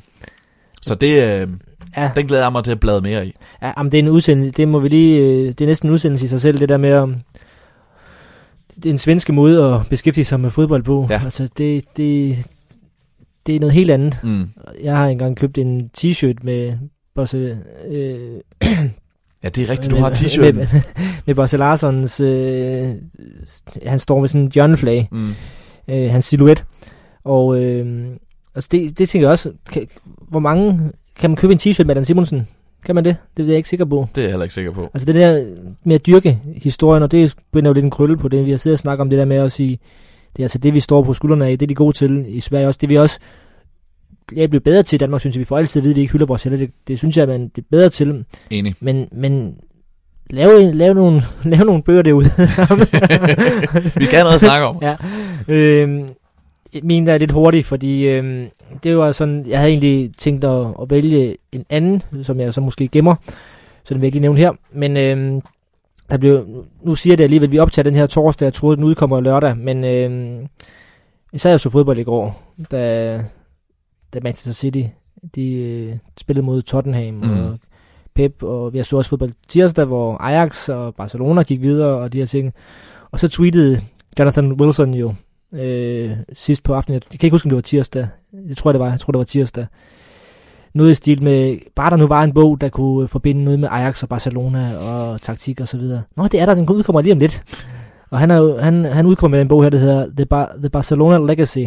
The Evolution of Modern Football from Cruyff to, to Guardiola. Og det er jo sådan, jeg tænker, bare titlen den oser sådan øh, af Jonathan Wilson. Det er selvfølgelig med, med taktisk fokus, og den, for, fokus, og den fortæller den her, øh, Øh, den her, øh, ja, the evolution of modern football, øh, som man siger. Øh, så der er stor taktisk fokus, men som jeg forstår det, så er der også nogle personhistorier. Altså nogle af dem der, der har været med til at, at tegne, øh, tegne de, den her periode, den her, øh, den her udvikling i fodboldens øh, verden. Blandt andet øh, Johan Cruyff, blandt andet øh, Guardiola og så videre og så videre. Øh, og trækker de her tråde her fra, fra Ajax og Barcelona i 70'erne øh, og op til i dag, hvor, hvor Guardiola jo som er, er barn. Og der jeg kan huske, jeg, jeg, jeg kiggede bare lige kapiteloversigten, og der er sådan en, der er et kapitel, der hedder noget i retningen af, af øh, World's Greatest Masterclass, eller sådan noget, Coaching Masterclass. Øh, jeg kan ikke, om du vil finde det frem der, Sebastian. Nej. Men, øh, men det her med, at, at det her Barcelona-hold i starten af 90'erne under Johan Cruyff, at det bare var en... Øh, at det bare var verdens bedste øh, akademi for, for kommende trænere, mm. og hvor Guardiola ligesom sugede til sig, og, og så videre. Så, så jeg synes, det lyder interessant, selvom jeg synes, taktikbøger er ikke min stærkeste side, men, men i og med, at han også til sydlandene har de her personhistorier med. Det synes jeg lyder interessant, og så er Jonathan Wilson jo bare god. Han er fremragende. Ham kan man finde uh, i øvrigt i en af, vores, uh, en af vores tidligere episoder, dengang vi ikke udgav på Mediano. Ham har vi, ja. ham har vi lavet et interview med, dengang han udgav uh, Angels with Dirty Faces om Argentins fodbold. Ja, som er et mesterværk, og den, den vender vi måske tilbage til en anden god gang. Ja. Fordi siden vi lavede podcast, så har vi rent faktisk læst den. Jeg har i hvert fald. øh, ja. Barcelona Legacy kan jeg lige øvrigt sige, hvis man vil blive klog på den, så findes der en rigtig god podcast. Jeg mener, den, jeg mener, den blev launchet sidste år, øh, op til bogens udgivelse, hvor... Øh, hvor han øh, lavede en podcast i seks episoder, hvor han ligesom fortæller nogle af de her historier, som er med i bogen. Øh, så den, øh, den kan man lytte til og se, om det, er, om det lyder som om, at det er en, en bog, der er noget for en. Det, ja. det er jo et meget fint koncept det her. Det gør de efterhånden i England relativt ofte.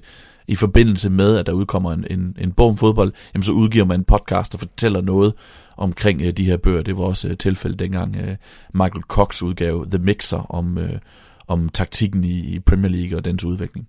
Ja. Så øh, lyt til podcasten og, og læs bogen, øh, ligesom, ligesom Martin har tænkt sig at gøre.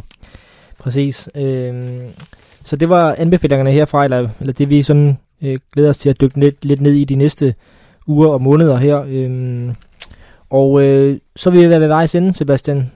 Jeg sagde, inden vi startede mikrofonen, jeg tror ikke, vi rammer to timer i dag. Nu står min optager på 1 minut og 55 minutter, så øh, jeg fik En time og 55 minutter. Ja, undskyld, en time og 55 minutter. Ja. Øh, så det er noget, vi alligevel. Jeg sagde med over, over to timer, så ja. nu skal jeg lige trække tiden her i, i, i, en, i en fem minutters tid. Vi regner jo med at være tilbage igen øh, om en måneds tid. Vi er tilbage om en måneds tid. Det er vi, ja. Øh, i løbet af maj, hvor vi igen skal snakke om, øh, om fodboldbøger og sportsbøger. Vi har nogle forskellige idéer i posen, øh, som vi nok skal vende tilbage med, når vi har øh, det klar. Og, øh, skal vi lige skyde den her, øh, komme med nogle ja. idéer, hvis der er noget, I gerne vil have? Præcis. Hvis de har den, den, den fremragende idé til os. Øh, ris og ros og idéer vil vi meget gerne modtage på vores... Øh, det er nemmest at fange os på Twitter, det der er vi jeg. altid inde. Ja, lige præcis. Så skriv ind, og vi er glade for den modtagelse, vi fik, da vi vendte tilbage her i... Øh, i, i marts, øh, så, øh, så det har absolut givet mere blod på tanden og mod på mere, og vi, vi gør jo det her, fordi det er rigtig sjovt, og øh, så er vi også glade for, at Mediano vil, vil lægge, hvad hedder så noget, øh, serverplads, ja. lægge serverplads til. Øh, vi er også rigtig glade for, at øh, Mediano har fundet en partner til det her. Øh, det er People's Press og bogens, øh, bogen om Jakob Kjellberg, Survivor, som er udkommet og som øh, kan findes i boghandlere på nettet og så videre. Så tak til, til People's Press også. Øh, men den største tak skal som sagt gå til jer, der lytter med derude. Sebastian, tak for et par hyggelige timer fra mikrofonen. Tak for Faxe Kondi og chips. men selv tak. Og øh, tak til jer derude. Vi lyttes ved.